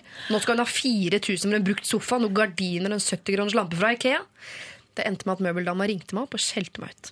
Jeg la meg flat, sa unnskyld, sendte melding og sa at jeg var en kronidiot og dust, og sa unnskyld igjen. Hun har bodd i denne leiligheten i fire år og har et godt forhold til utleier. Jeg skjønte ikke helt hva hun sa, for hun er dansk, men hun snakket noe om overtagelse av leiligheten. Eh, overtagelse av leiligheten. Så nå er vi redde for at hun snakker med utleier og gjør sånn at ikke vi skal få bo der allikevel. Dette er drømmeleiligheten, og det er så vanskelig å finne leilighet i Aalborg, Danmark. Hva gjør jeg? Hvordan fikser man dette? Med vennlig hilsen eier av ny mobil som jeg ikke skjønner meg helt på. Hun har på en måte gjort mye allerede. Altså. Hun har sagt unnskyld både eh, verbalt og på SMS, men hun eh, ønsker å liksom enda mer gjøre noe for å sette plaster på skaden. Ballen ligger jo på, hos eh, den fornærmede. Ja, men det høres jo veldig selvhøytidelig ut. Hun, den fornærmede høres litt selvhøytidelig ut, for å være helt ærlig. Man har jo, man, altså, alle kan jo ha forståelse for at eh, sjargongen kan være litt annerledes når du ikke er i rommet, eller sånn. Eller når det snakkes om Det er jo det er jo folk hun ikke kjenner. Må ikke ta seg nær over det. Men mange gjør det. Altså, folk er jo ofte litt selvhøytidelig. Ja. Ordet Eh, retard er Ja, Ja, det det var dumt hun brukte engelsk, Ja. tenkte jeg. For Ja. Hun kunne jo sagt at det, Kanskje hun kan si at det er norsk for eh, kul? Kul eller koselig. Ja, for det er dumt å bruke sånn ord. Ja. litt. Jo, men to venninner mellom. Jeg mener, Man kan være politisk korrekt herfra til måneden tilbake, men på privaten SMS 2 og 2 må vi få lov til å holde på å si hva vi vil. Ja, men hør da, altså dette, altså hun, hun dama som en da Det var en leie, det var en utleieleilighet. Ja. Ja. I Aalborg, Ja. Danmark. Altså hun dama som hun da skal uh, betale leie til, eh, som da eier den leiligheten, hun er jo da åpenbart et menneske som liker å, å prise ting litt mer enn de er verdt i utgangspunktet. Å ja, nei. altså Hun Nei, som er leier ut leie- leiligheten, det er forrige leieboeren, selvfølgelig, ja. Det er tre involverte i denne Ja, ja, ok, suppa. ja, ja, beklager.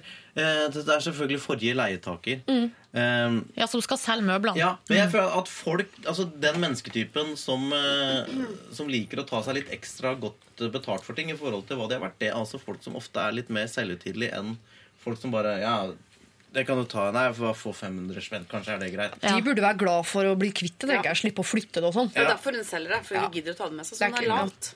Det er ikke sånn, Jeg vil veldig gjerne ha det selv, ja, men siden jeg er så mild og god eh, som menneske, så skal du få kjøpe det, du. Og det vi må huske òg, hun er ikke norsk. Nei. Hun er dansk. Det er de beste folka, mener jeg, da. Ja, de setter dansker over nordmenn, faktisk. Man, de virker greie, men de er ganske sure, faktisk. Det Ja, så du jo nå.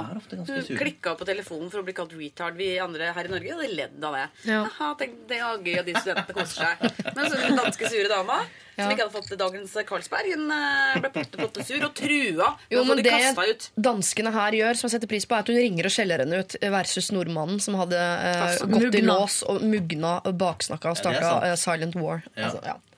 Men hva, hvor, hva er det de er redde for? At utleier skal tenke sånn Å ja, så du eh, kalte forrige utleier ved et uhell noe stygt per SMS som ikke var til. Da får du ikke bo her. Ja, men er det et saklig ja, scenario? Det, mener, ja, men det er et sannsynlig scenario for folk som leier, folk som leier ut ting. De, de er jo ofte For at det er jo Det er jo, det er jo en del eh, På utleiemarkedet så fins det jo mennesker som eh, er mennesker som du helst ikke vil ha så nær deg. Eh, så jeg, jeg tenker at eh, Og det fins masse bra folk òg, men det fins også Ræva folk. dårlige folk Ja. på utleiemarkedet. Eh, og, og hvis da denne huseieren, eller leilighetseieren, Mm. eh, f føler at det er sannsynliggjort at eh, det mennesket som skal være neste leietager, er kjip, Mm. Da er det Og de sier også det er veldig vanskelig å få leilighet i Aalborg, så at det er tydelig hvem som sitter med makta her. Da vil kanskje Ja, men da får ikke du leie her. Da tar jeg heller noen som jeg tror er hyggelige. Ja, men da må de, da syns jeg at de må før, de må være litt raske. Og før hun her eh, tidligere leieboeren får snakka med utleier, så må de sende en eh, kurv. Fruktkurv. Jeg foreslår fruktkurv. Jeg hadde tatt Kanskje- øl, da. Dette Ja, Danmark, og så kanskje med ja, noe alkohol må være oppi den kurven. Og så et kjempehyggelig kort der man en gang til legger seg helt fra, flat, sier beklager. Vi har en litt køddete sjargong oss eh, jentene imellom. Var ikke, ikke meninga å kalle deg for retard. Vi er hyggelige folk. Vi eh, betaler det du eh, vil betale. Hva det er 4000 kroner for den gamle sofaen og de slitne gardinene. Um, og så håper vi at vi kan eh, løy, altså at det her kan At vi kan begrave på en måte stridsøksa. Det blir jo selvfølgelig bota du må betale. Du må gi fullpris for Ja, greiene. For de driten som hun dama. For igjen, jeg begynte å lese den mailen, så tenkte jeg før alt dette med den SMS-en kom inn i bildet, så tenkte jeg sånn, dere later som ikke dere vil ha møblene. For de som flytter videre nå, de er så sugne på å slippe å flytte de, at de kommer til å si bare ta det. Hvis dere sier vi vil ikke ha det, jo bare ta det, kommer de til å si. Men nå er det ikke det som er problemet. Nei. Men er det ingen som tenker at eh, disse nye leietagerne kan gå til utleier og si Vi har Sorry, vi har havna i en litt kinkig situasjon med Ikke bruk skinke til dansker for øvrig. Jeg blir litt lei situasjon eh, med forrige er- Vi tenker kinky med en gang. Vi tenker bare på sex og drikker øl hele dagen. Ja. Um, vi har havna litt lei situasjon uh, med forrige uh, leietager, og det beklager vi. Jeg håper ikke det eh, påvirker vårt fremtidige, nydelige Ja, for du, forhold. du må bare glemme den Kanskje leietakeren og heller gå på huseier. Ja, Send fruktkurven til huseieren i stedet. Ja, For hun der dama som tydeligvis er retard og skal ha altfor mye penger Hei, for noen hei, hei. møbler hun ikke gidder å Retard sier vi ikke, det skriver vi på SMS til nære venninner. Ja, Vi sier det Men hun eh, dustete danske dama som Ja. skal ha altfor mye penger for møbler hun ikke gidder å flytte selv. Mm. Eh, hun tror jeg de bare kan, eh, Selv om hun er sur på telefonen, og sånn, jeg er sikker på at eh, hun, hun har jo ikke sånn overtak på den som eier leiligheten, at hun får de kasta ut. Hvis jeg hadde leid ut en leilighet, og så hadde den og hadde vært i banken, satt i postum, endelig klart å få noe inn i leiligheten som jeg stolte på, to søte jenter fra Norge som virka ganske rolige. Ja. Og det er gjerne, fysio, det er gjerne fysioterapistudenter, Ja, eller er eh, ellers er det legestudenter som er i Århus. Det, Ja, det de kan være er- kaospiloter altså. Ja, det er sant. Og det Ja. kan også være teater, teaterstudenter. Eh, Men eh, hun kommer ikke til å få de kasta ut. Hun gjør ikke det bare med sånn SMS. Jeg er sikker på at den, den der utleieren har hatt problemer med den samme kjerringa, retarded kjerringa di òg. Men kan vi ikke, altså, men jeg føler at vi, her kan vi kanskje en, enes om, Siri, at, Ja. eh, at det lureste nå er å glemme tidligere leietaker. Ja. Gå på mennesket som eh, eier boenheten, Enig. for det er vedkommende som sitter med makta. Absolutt. Ok, eh, Du må glemme eh, forrige leietager, og du må tørre å være fiende med henne. Du sender en SMS til henne igjen. Litt hyggeligere denne gangen. Sånn, vet du hva, Vi dropper det møbelgreiene. Dette skar seg helt. Eh, Vi finner egne møbler. For da kommer hun kanskje til å skrive sånn Nei, nei, bare ta det. Jeg orker ikke å hente det. Og så eh, sender du fruktkurv eller noe, eller noe ølkurv, da, som de gjør der nede. Øl, øl og kondomer til eh, hun som eier leiligheten. Og så sier du Havna i en litt rar situasjon med forrige leietaker. Jeg håper ikke det påvirker oss. Jeg gleder meg til å bo i den nydelige leiligheten din. Jeg røyker ikke, hater husdyr og kommer aldri til å få meg type her i Danmark.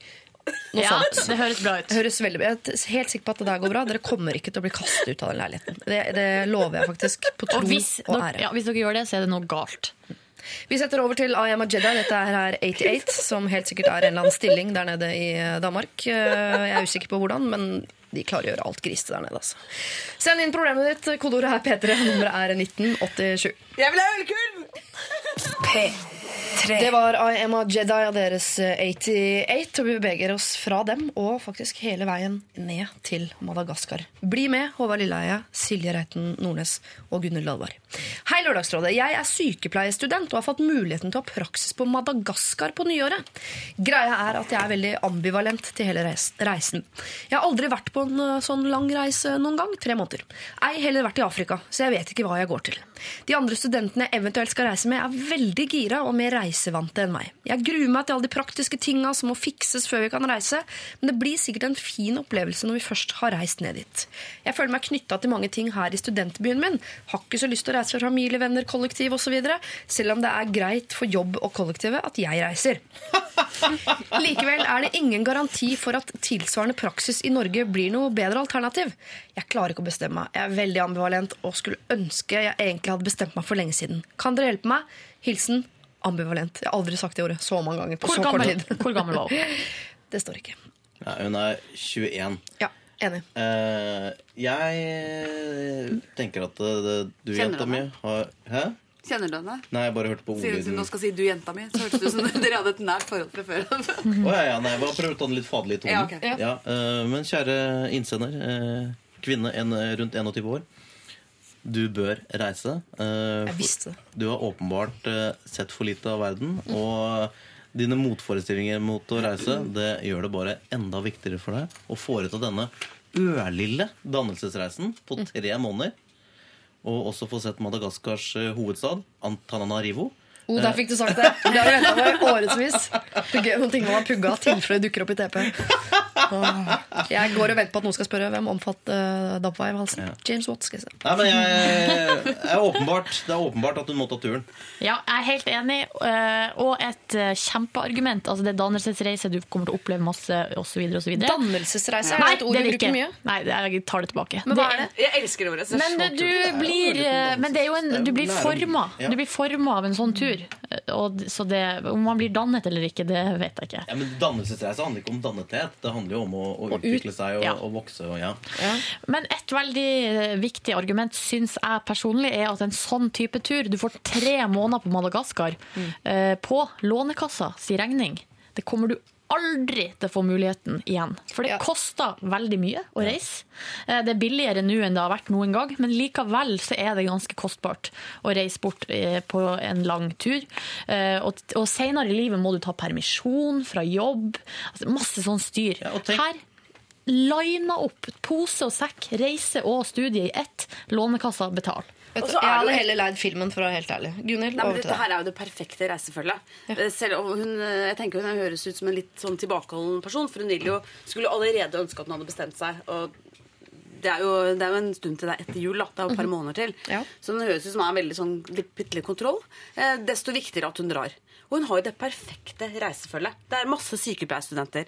Skulle hun få diaré, Mhm. bli bitt av edderkopper, bli bitt av uh, skorpion, få malaria, kokosnøtt i hodet, uh, bli påkjørt Veldig vanlig dødsårsak, faktisk. Ja, så er hun jo Hun har et helt et team av helse, nesten ferdigutdanna folk rundt seg. Mhm. Hun kommer aldri til å, å være så trygg og få så mye mm, empati eh, noen gang igjen. Så kan man sette vaksine, sette vaksine på hverandre. Eh, Da blir det billigere. Du slipper å bare kjøpe den lille ampullen på apoteket, så setter de det bare på hverandre. Ja, perfekt. Ja, perfekt. Kan jeg bli med? Alle er for, altså. Det ante meg jo litt når jeg leste opp problemet. Jeg er eh, mot. Men hva er det som argumenterer mot? Jo, for jeg, er, jeg må si at jeg er litt lei av at uh, samfunnet har bestemt seg for at uh, alle er glad i å reise, og alle skal utvikle seg og utvide horisonten sin og oppleve en annen Hvis man har det bra der man er, og merker at jeg er ikke så reiser, jeg er ikke så opptatt av å se andre sida av kloden, og jeg trives nå her på Nesna, eller hvor fader man bor hen, så skal det få lov til å være din verden. Det er nå har det bare blitt et sånt press utenfra på at det riktige å gjøre det er å utvide horisontene sine, se verden, reise, oppleve masse, eh, gjøre ting du er ukomfortabel med bare for å utvide den lille, trygge verdenen din. Sånn. Nei, hvis du lever i en liten, trygg verden og du trives inni der, og så bli inni der. Men hun har, jo, hun har jo lyst. Det er jo bare det at du ikke Nei, hun har ikke tør. lyst. Hun har ikke lyst, men de rundt har lyst, og da tror hun at hun har det, for det er det man skal ha lyst til i 2013. Siri, eh, nå skal vi gå gjennom denne unge kvinnens eh, sannsynlige fremtid. Ja. Eh, hun begynner å jobbe som sykepleier. Kanskje hun møter en kjekk kirurg. Eh, kanskje det blir amorøst. Det er få som får han kirurgen. Altså. Det er det men mange men hun får han for en periode. Og så får ja, ja, ja, det er, Selvfølgelig, men så blir det kanskje et barn. Og kanskje forlater denne kjekke kirurgen da henne til fordel for en ny eh, eh, sykepleier. Og da plutselig da hun er hun alenemor. Ja. Og da tenker jeg Da har det vært bra å ha vært en liten tur på Madagaskar. Men ha- overvurdere det der. Hvis du sitter om 15 år i en litt sånn lei suppe, ting er trist, det er grått ute, du har blitt dumpa, ting er vanskelig. Er det da man setter seg ned med en stor kopp te og tenker sånn Ja, jeg var i hvert fall på Madagaskar en alder av 21, da, så Ja, det er ikke så gærent allikevel. ja, det tror jeg. Nei, det tror jeg. Man ser på, man, altså For ikke å gå ned ikke sant, i en vanskelig situasjon, så prøver man å liksom eh, visualisere og se for seg de tingene som er annerledes enn den suppa man befinner seg i. Det tror jeg er veldig vanlig ting å gjøre i en krisesituasjon. Jeg har personlig vært på tre runder med utveksling, og, og, og jeg er så sinnssykt glad for at jeg har gjort det. Men det er meg, da. For jeg, jeg liker jo å reise. Og eh, Første gangen jeg reiste, var jeg 16 år. Det var jo helt sjukt å bli sendt Hvor dro du da? Sø- eh, Andesfjellene, Ecuador. Det er jo helt sjukt å reise dit når man er 16 år helt alene og ikke kunne språket. Men fy fader, så deilig. Og jeg lever på det ennå, jeg. Er det sant? Ja. Jeg har også vært på de turene der, fordi venninner dro. Jeg tenkte det er vel det man skal. Ja, jeg har vært på Fiji-øyene og drukket sånn cava filtrert gjennom en sokk og spilt kassegitar og sunget uh, gamle uh, låter av Nina Simone på en sandstrand og hva faen. Det jeg, bruker jeg ikke til noen ting nå. Jeg tenker ja, ja, eh, det var det. Jeg har et, Hadde du det ikke gøy engang? Det var litt gøy, men ikke noe morsommere enn en helt grei runde på byen hjemme. Altså, Ja, men jeg, når du skal Ja, være sykepleier, du kommer til å være, møte så utrolig masse forskjellige mennesker, så jeg tror det er lurt å ta Det er bra for karakteren å ta seg en slags dannelsesreise. Men man trenger jo ikke å dra til Madagaskar. Søstera mi bor i Drammen. Jeg tok i praksis i Tromsø. Det er også mulig. Utvid horisonten litt. Yes. Ja. Hvis man er trygghetssøkende, og du er på et trygt sted, ja, så blir man der. Og hvis du får skikkelig lyst til å dra til Madagaskar en eller annen gang, så har ikke toget gått. Da finner du en eller annen løsning. og Da leier du ut leiligheten og tar begge unga under armen og drar til Madagaskar. Akkurat nå har du ikke så innmari lyst.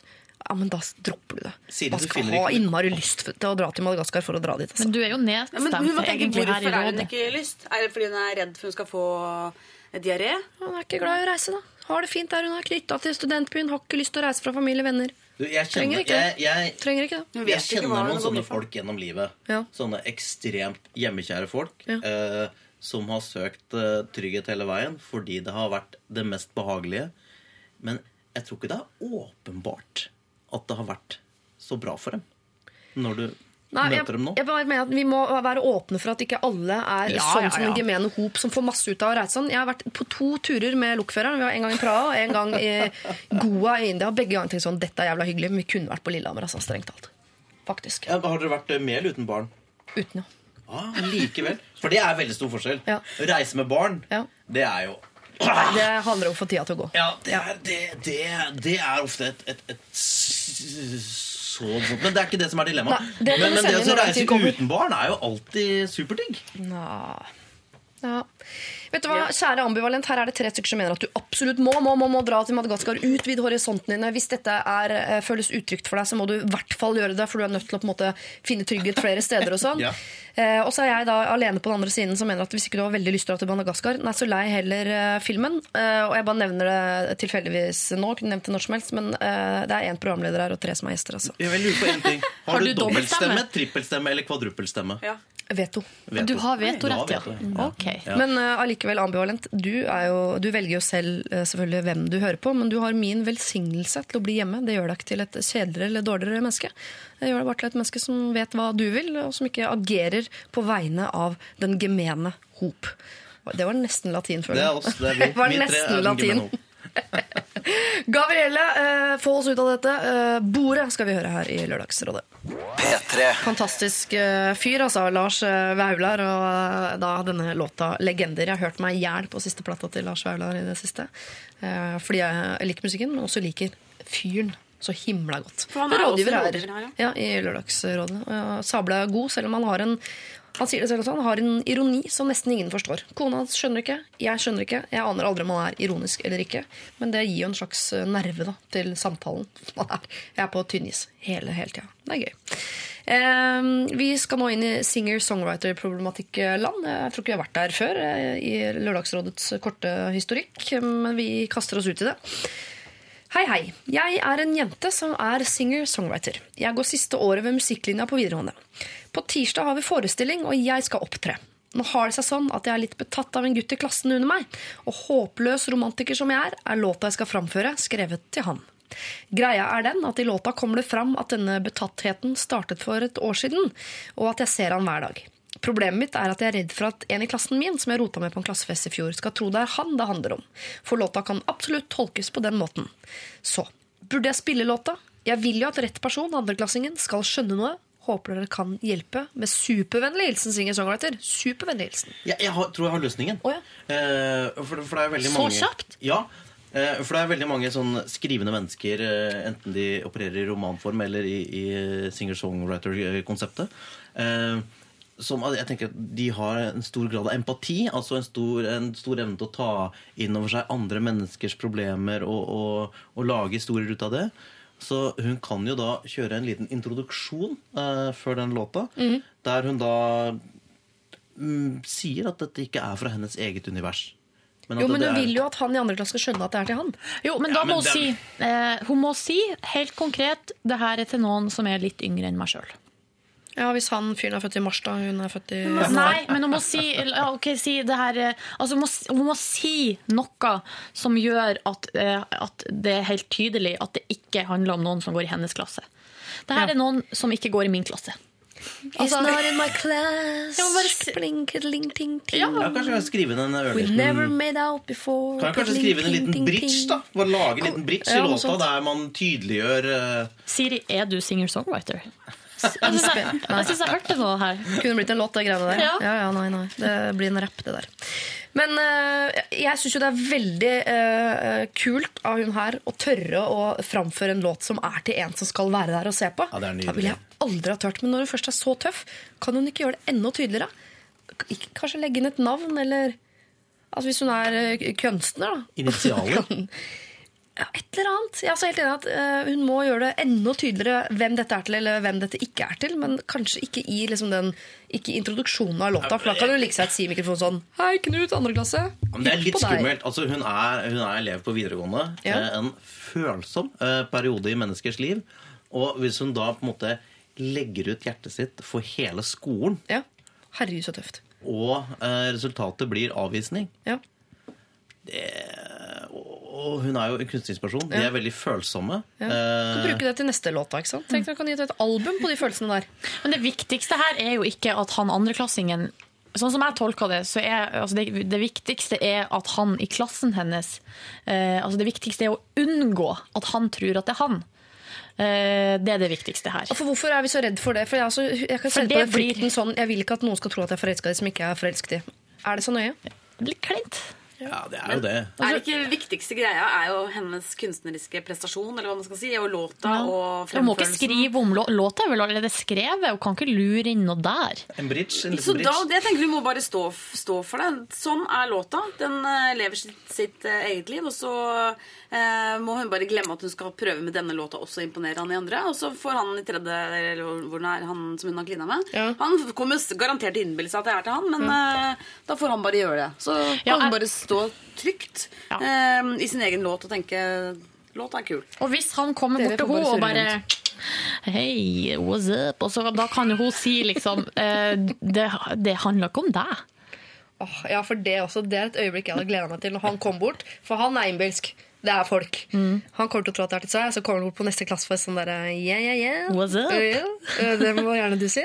Eh, og bare gleden av å, å, å altså, pelle an alle forhåpningene liksom sånn Trodde det var til deg. Nei, nei, nei. nei, nei. Det Det er en annen plate. For der er mye anger og skam. Det som taler til hennes fordel, det er jo at dette er jo den alderen i menneskers liv der det er ekstremt stas eh, for unge gutter at en jente som er eldre Ja. enn deg selv, er interessert. Jeg var jo helt Når går det over? Uh, Jeg er sammen med en som er seks år yngre. Det er fortsatt ikke gått over, tydeligvis. Nei, nei, det må jeg si. Det er klart, Gunhild, du er jo You're a catch, ikke sant? Ja. Uansett, er, du, er, du er above age. Ja. Men eh, eh, Det stemmer. ja. Jeg skriver Men, men, den. jeg, for jeg, jeg var jo en litt sånn vimsete, uh, rar fyr uh, på videregående. Mm. Uh, og, og for meg, da, så var det helt utenkelig at et eneste menneske på høyere klassetrinn enn meg selv skulle finne meg på noen måte attraktiv. Jeg tenkte altså Kanskje kan det skje at noen som er like gamle, men jeg må gå ned. Eh, men de gutta som var litt sånn beefy den gangen og, eh, og lov, skal jeg si, fysisk sett lenger fremme enn meg, det hendte jo at de klarte å snappe opp, eh, opp jenter på høyere klassetrinn. Og det husker jeg, det var jeg ganske misunnelig på. Så, eh, så for han fyren her, da eh, Samme hvem på Høyre klassetrinn, bare det var uh, av eldre? Nei, nei, altså det ser det- det- det er jo grenser, men jeg ville- Men jeg ville, altså, jeg ville for eksempel kanskje eh, eh, tatt litt eh, Hatt litt løsere sånn utseendefokus hvis, hvis vedkommende var eldre enn meg selv. Ja. For da, da ser du jo også på henne som en slags sånn eh, eh, Som en slags erotisk lærer, ikke sant? En guide inn Ja. i truseskuffen. Så for han så tenker jeg så må det være veldig stas. Men hva er det du mener? Er det, det, hva er det du mener nå? Nei, jeg mener at det er, at det, det er bedre Det kan kanskje være lurt for henne å tydeliggjøre at det er til han fyren Ja. som er yngre. Hvis ikke så Fordi får han det ikke med seg. Nei, Ja. for at uh, Og sjansen for avvisning er eh, svimlende liten. Uh, Ja, altså Sjansen for avvisning vil i hvert fall øke for hvert år de blir eldre. Ja, Så hvis du skal gjøre det, så må du gjøre det nå. Ja. Slå på tirsdag. Hun må stirre han inn i øynene, han i andre klasse. Ja. Å, så koselig. Ta på seg en tanktopp. Kan hun si noe i gangen på mandag? Sånn 'Jeg håper du Det er kommer i morgen'. 95. Aktig. Det, det, hvis hun tør det, hvis hun tør å si bare til han Mm. 'Jeg håper du kommer Hva er det du driver på med? Du har på deg konebanker. jeg tenkte på tubetopp. jeg. Jeg liker det under skjortene. ja, Håvard, og Gunnar kjører kjører Nei, jeg er ikke parallelt. konebanker. Hvis det er konebanker, Gleder seg. hvis det er konebanker, så er det jo netting i de. Ja. Å, ja. Dette er en vanlig Singlet, liksom. Ja, Men jeg har jo ikke singleten ytterst. Jeg har den under. Ja, det stemmer. Ja. Hvor kom vi dit fra singer-songwriter-problematikk over på singleten til Håvard Lilleheie? Nei, for jeg, jeg, sa at hun skulle ha på seg en tanktop på scenen. Mens hun mente at det var en referanse fra 90-tallet. At det var stas at, eh, at eh, jenter hadde på seg tanktop. Men da blanda jeg, for lenge på tubetopp. det blir litt sånn, er eh, for Ja, tanktop singlet, ja. men det er november, liksom. Men Ja, tanktopp blir, da blir det lesbeaktig Ja, også tenker lesbisk, men jeg Ja, turte ikke å si det siden du var her. Hvorfor det? Nei, det bare, det bare Jeg tenkte det med en gang. Men jeg Da elsker jo kvinner jeg elsker jenter i tanktops. Det er vel, jeg syns også det er kjempefint, men ja. hvis du i tillegg har kort hår, da må du styre. Hva er det du driver på med? Feedback i øra. Kom bort igjen. Vi går videre.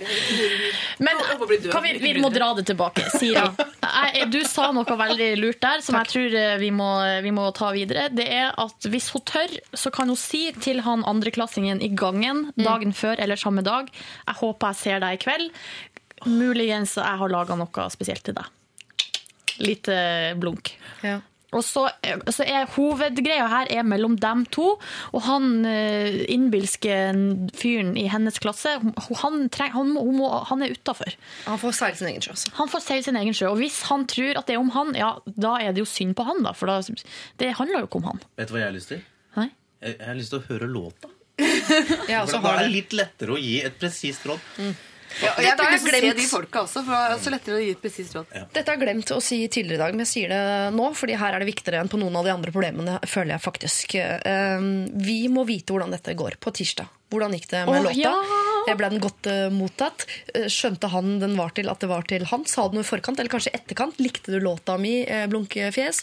Eh, hva med han fyren det ikke er til? Hva trodde han? Altså, her, dette Vi må greie ut om, sier jeg bare, og sende til oss på mail. For det, jeg lurer på hvordan dette her går. Så da blir det oss fire neste lørdag? Eh, nei. Men vi må høre på Ja, neste lørdag, ja, ja, så vi får det med oss.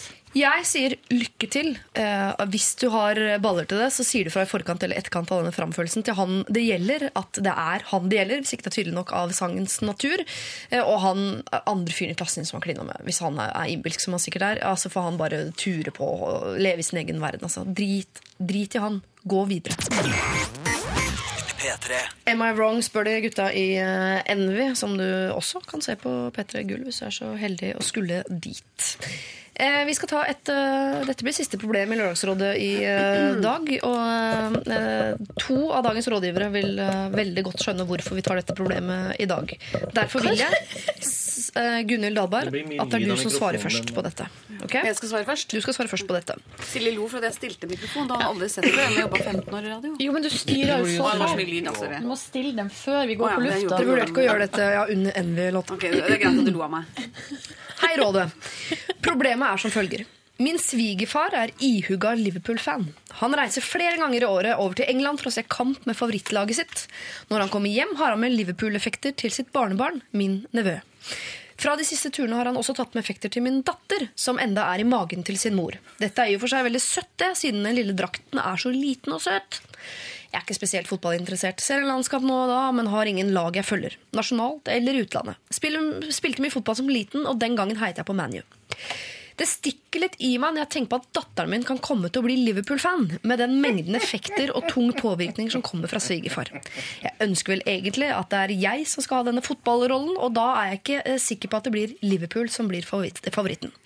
Hvordan kan jeg formidle dette til min svigerfar og bli erkefiende fordi jeg vil stå for fotballdannelsen? Eller skal jeg la han ha den rollen som supporterforbilde i familien? Med vennlig hilsen Børge. Oi, Gunhild først. Eh, jeg vil bare si til Børge jeg syns det er utrolig leit at du har havna i den situasjonen her. Det høres helt jævlig ut. Ja. Eh, men, eh, og jeg identifiserer meg veldig mye med det. For er det noe som jeg liker mindre enn dyr, så er det fotball og fotballgalskapen rundt det hele. Ja. Det er veldig fint at folk trener og holder seg i form, men denne fanatismen rundt det å være supporter er helt sinnssyk. Og jeg avskyr det, og jeg ser ned på det.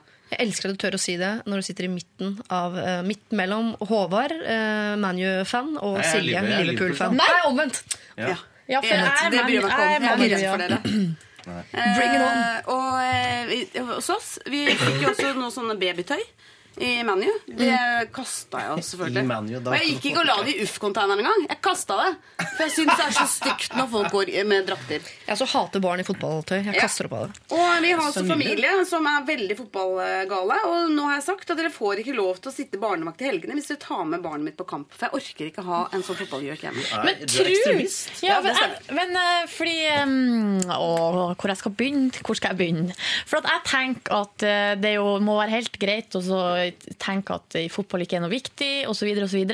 Men eh, i hvert fall personlig så har jeg hatt så utrolig, utrolig mange kjempepositive opplevelser på kamp og med kamp. Og eh, helt uavhengig av hvilket lag man følger med på. Sånn, det er så eh, Altså hvis man ikke syns at det betyr noe, så kan, det jo fortsatt, kan man jo anerkjenne at det betyr noe for andre. Og det gjelder jo alt her i livet. Jo, men her er det to lag inne i bildet også. Kunne du, Ja, men eh, han kunne bør ikke bry seg jo ikke. Kunne tatovert Go Spurs på brøda, liksom? Nei, men det, det jeg vil si, det er at uh, han, han, han Børge skriver jo innledningsvis at uh, han ikke er så opptatt av fotball. Mm. At han ikke har noe lag verken nasjonalt eller internasjonalt. Men at han, da han spilte som barn, Mm. var United-fan. Er ikke alle barn United-fan? Ja, det er det Nei, dager, noen er Liverpool-fans. Ja. Det, er, det er hardt om hardt. Men la meg, la, la, la meg, la meg fortsette. Ja. Ja. for at nå, nå, nå For du I'm- har barn, I'm, I'm on a og er. roll. I'm on a roll. Ja, det er jeg òg. Det, det skjønner jeg. Men altså, hør da. Altså, her, har du, her har du en gave. Du har en potensiell stor gave. For du har en svigerfar som elsker å dra til Liverpool. Som elsker å gå på kamp. Og la oss nå igjen se forbi altså, hvilken klubb det er. Det Eh, er stort av deg å si. Ja. og etter hvert, når, du, når dette barnet eh, kommer ut av din kone slash samboer, eh, så vil du noen ganger i livet oppleve at eh, «Ah, det hadde vært deilig å ha litt fri nå. Det hadde vært deilig at det var bare meg litt. Rann. Få holde på med mitt, være inni mitt eget litt tassete, tuslete hue. Det, sånne ting kommer til å skje. Og hvis du da har en svigerfar som elsker fotball, og som har fått lov til å kle opp uh, den lille jenta med, med Liverpool-drakt uh, uh, fra fødestua og utover litt, rann. altså, du, kan jo, du kan jo justere litt, noen ganger kan du ha blonder òg. men da tenker jeg han kommer jo til å ta henne med. Til Liverpool, ja. Ja. Begge ungene. Ta Begge begge, to ungene, med. ta dem med. Ta langhelg i Liverpool på Anfield. Eh, og de barna kommer til å komme hjem, for at det er, det er helt utrolig å være på fotballkamp i England. De kommer til å komme hjem med stjerner i øynene, og du har fått nye krefter. Tror du? Jeg har vært på fotballkamp, jeg også. Men det er jo det er fellesskap. det er gøy man går på fotballkamp. Der kan jeg spise pølse, og så kan jeg se menn gråte. Det er bitte litt gøy.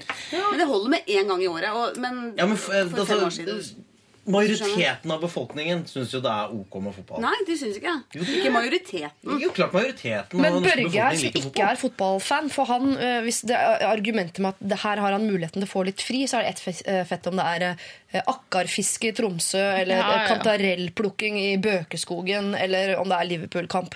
Altså, Bare få unga vekk en langhelg med, med svigerfar Ja. er helt nydelig. Og jeg skjønner, selv om eh, fotball kan minne bi- bitte litt om religion, for det hadde ikke vært greit å være sånn Ja, nei, svigerfar tar med seg eh, veslejenta i scientologikirken han tre helger i året.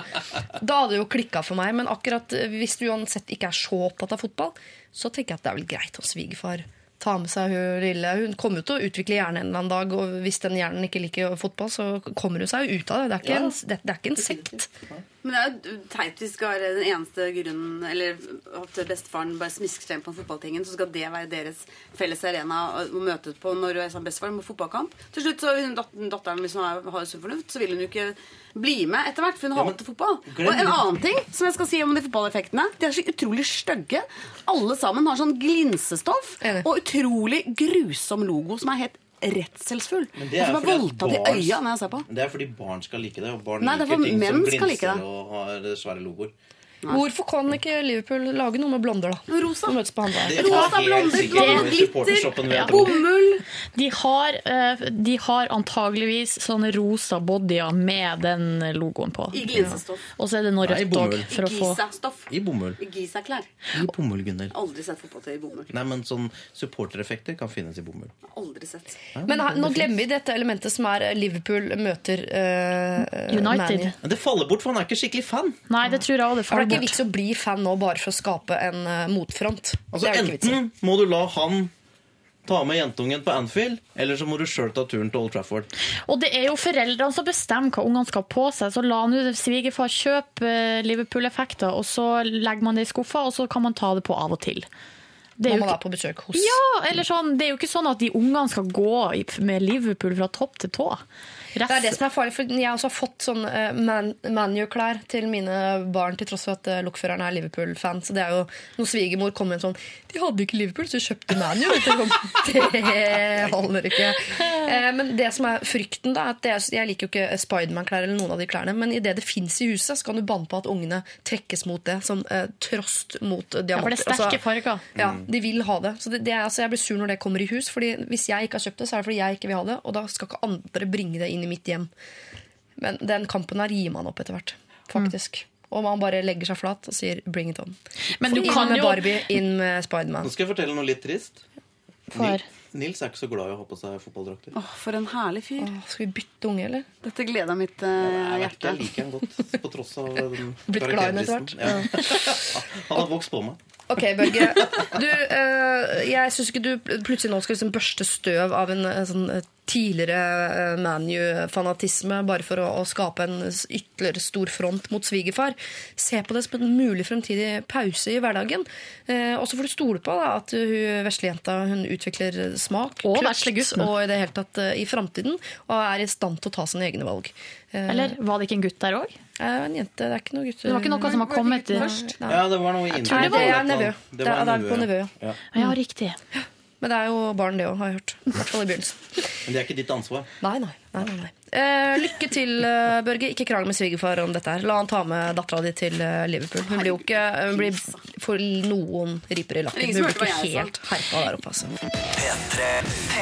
Laura Welsh, dette her, og hennes eh, Undiscovered. Eh, jeg har hatt en fortreffelig morgen sammen med dere. Silje Reiten Nordnes, Gunhild Ladberg og Håvard Lilleheie. Det som gjenstår for dere å gjøre nå før jeg slipper dere ut i resten av dagen, er å dele ut en T-skjorte. Dere har følgende kandidater å gi det til. Vi har dette tøffelparet som skal på Viken-tur, og som har blitt plassert i tøffelbåsen. Vi har han som vil ha igjen penger for gitar og TV, som han ga til eh, eksdama når hun flyttet ut. Så har vi dama med en fyr som tror han er så innmari morsom fordi rundt eh, bålet på, når han var speider, pleide å le av han, og han klarer ikke å slutte å vitse. Så har vi hun som lurer på om hun må være med og feire bursdagen, toårsdagen til hunden til tanta si. Så har vi disse som var så heldige nede i Danmark da, å sende tekstmelding til feil person, hvor det sto bl.a. Uh, 'retard', eh, som sikkert ikke var noe hyggelig å få på SMS. Så har vi en ung studentinne som lurer på om hun skal reise til Madagaskar eller ikke for å ta praksis der. Og så har vi en veldig betatt singer-songwriter som lurer på eh, hvordan hun skal få formidlet hvem låta er til av, eh, av to mulige i salen. Og til slutt også eh, gryende far med en eh, svigerfar som liker et annet fotballag enn han selv, og som driver kjøpt kjøper fotballeffekter. Vet du hva som hadde vært fantastisk? Nei.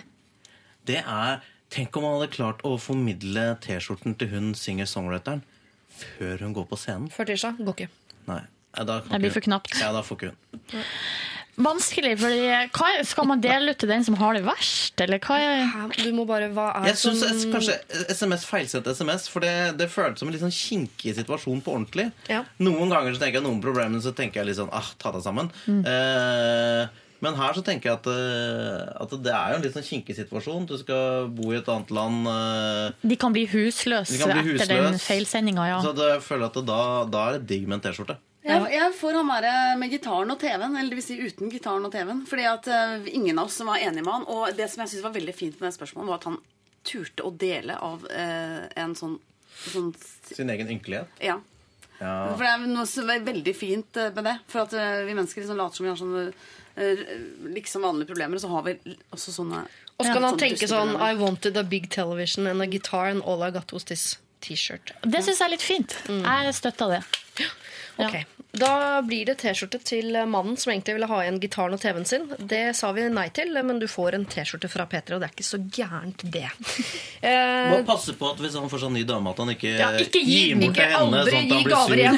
når hun begynner å ligge med en annen. Ja, og får ikke bruke den som nattskjorte og sånn når hun er hjemme hos deg. For da ikke tar hun den snakke bare. dritt om eksdamene heller, for da Vær litt føre var i ditt neste forhold. Eh, hvis du vil laste ned denne sendingen som podkast, så er du min gjest. Gjør det på den måten du pleier å gjøre det på. Og gå inn på Facebook-siden vår og se på bildet av dagens eh, rådgivere. Det er i svart-hvitt, og det er fint, og du kan kose deg med det hvor lenge som helst. Nå sier jeg takk for i dag. Hør flere podkaster på nrk.no podkast.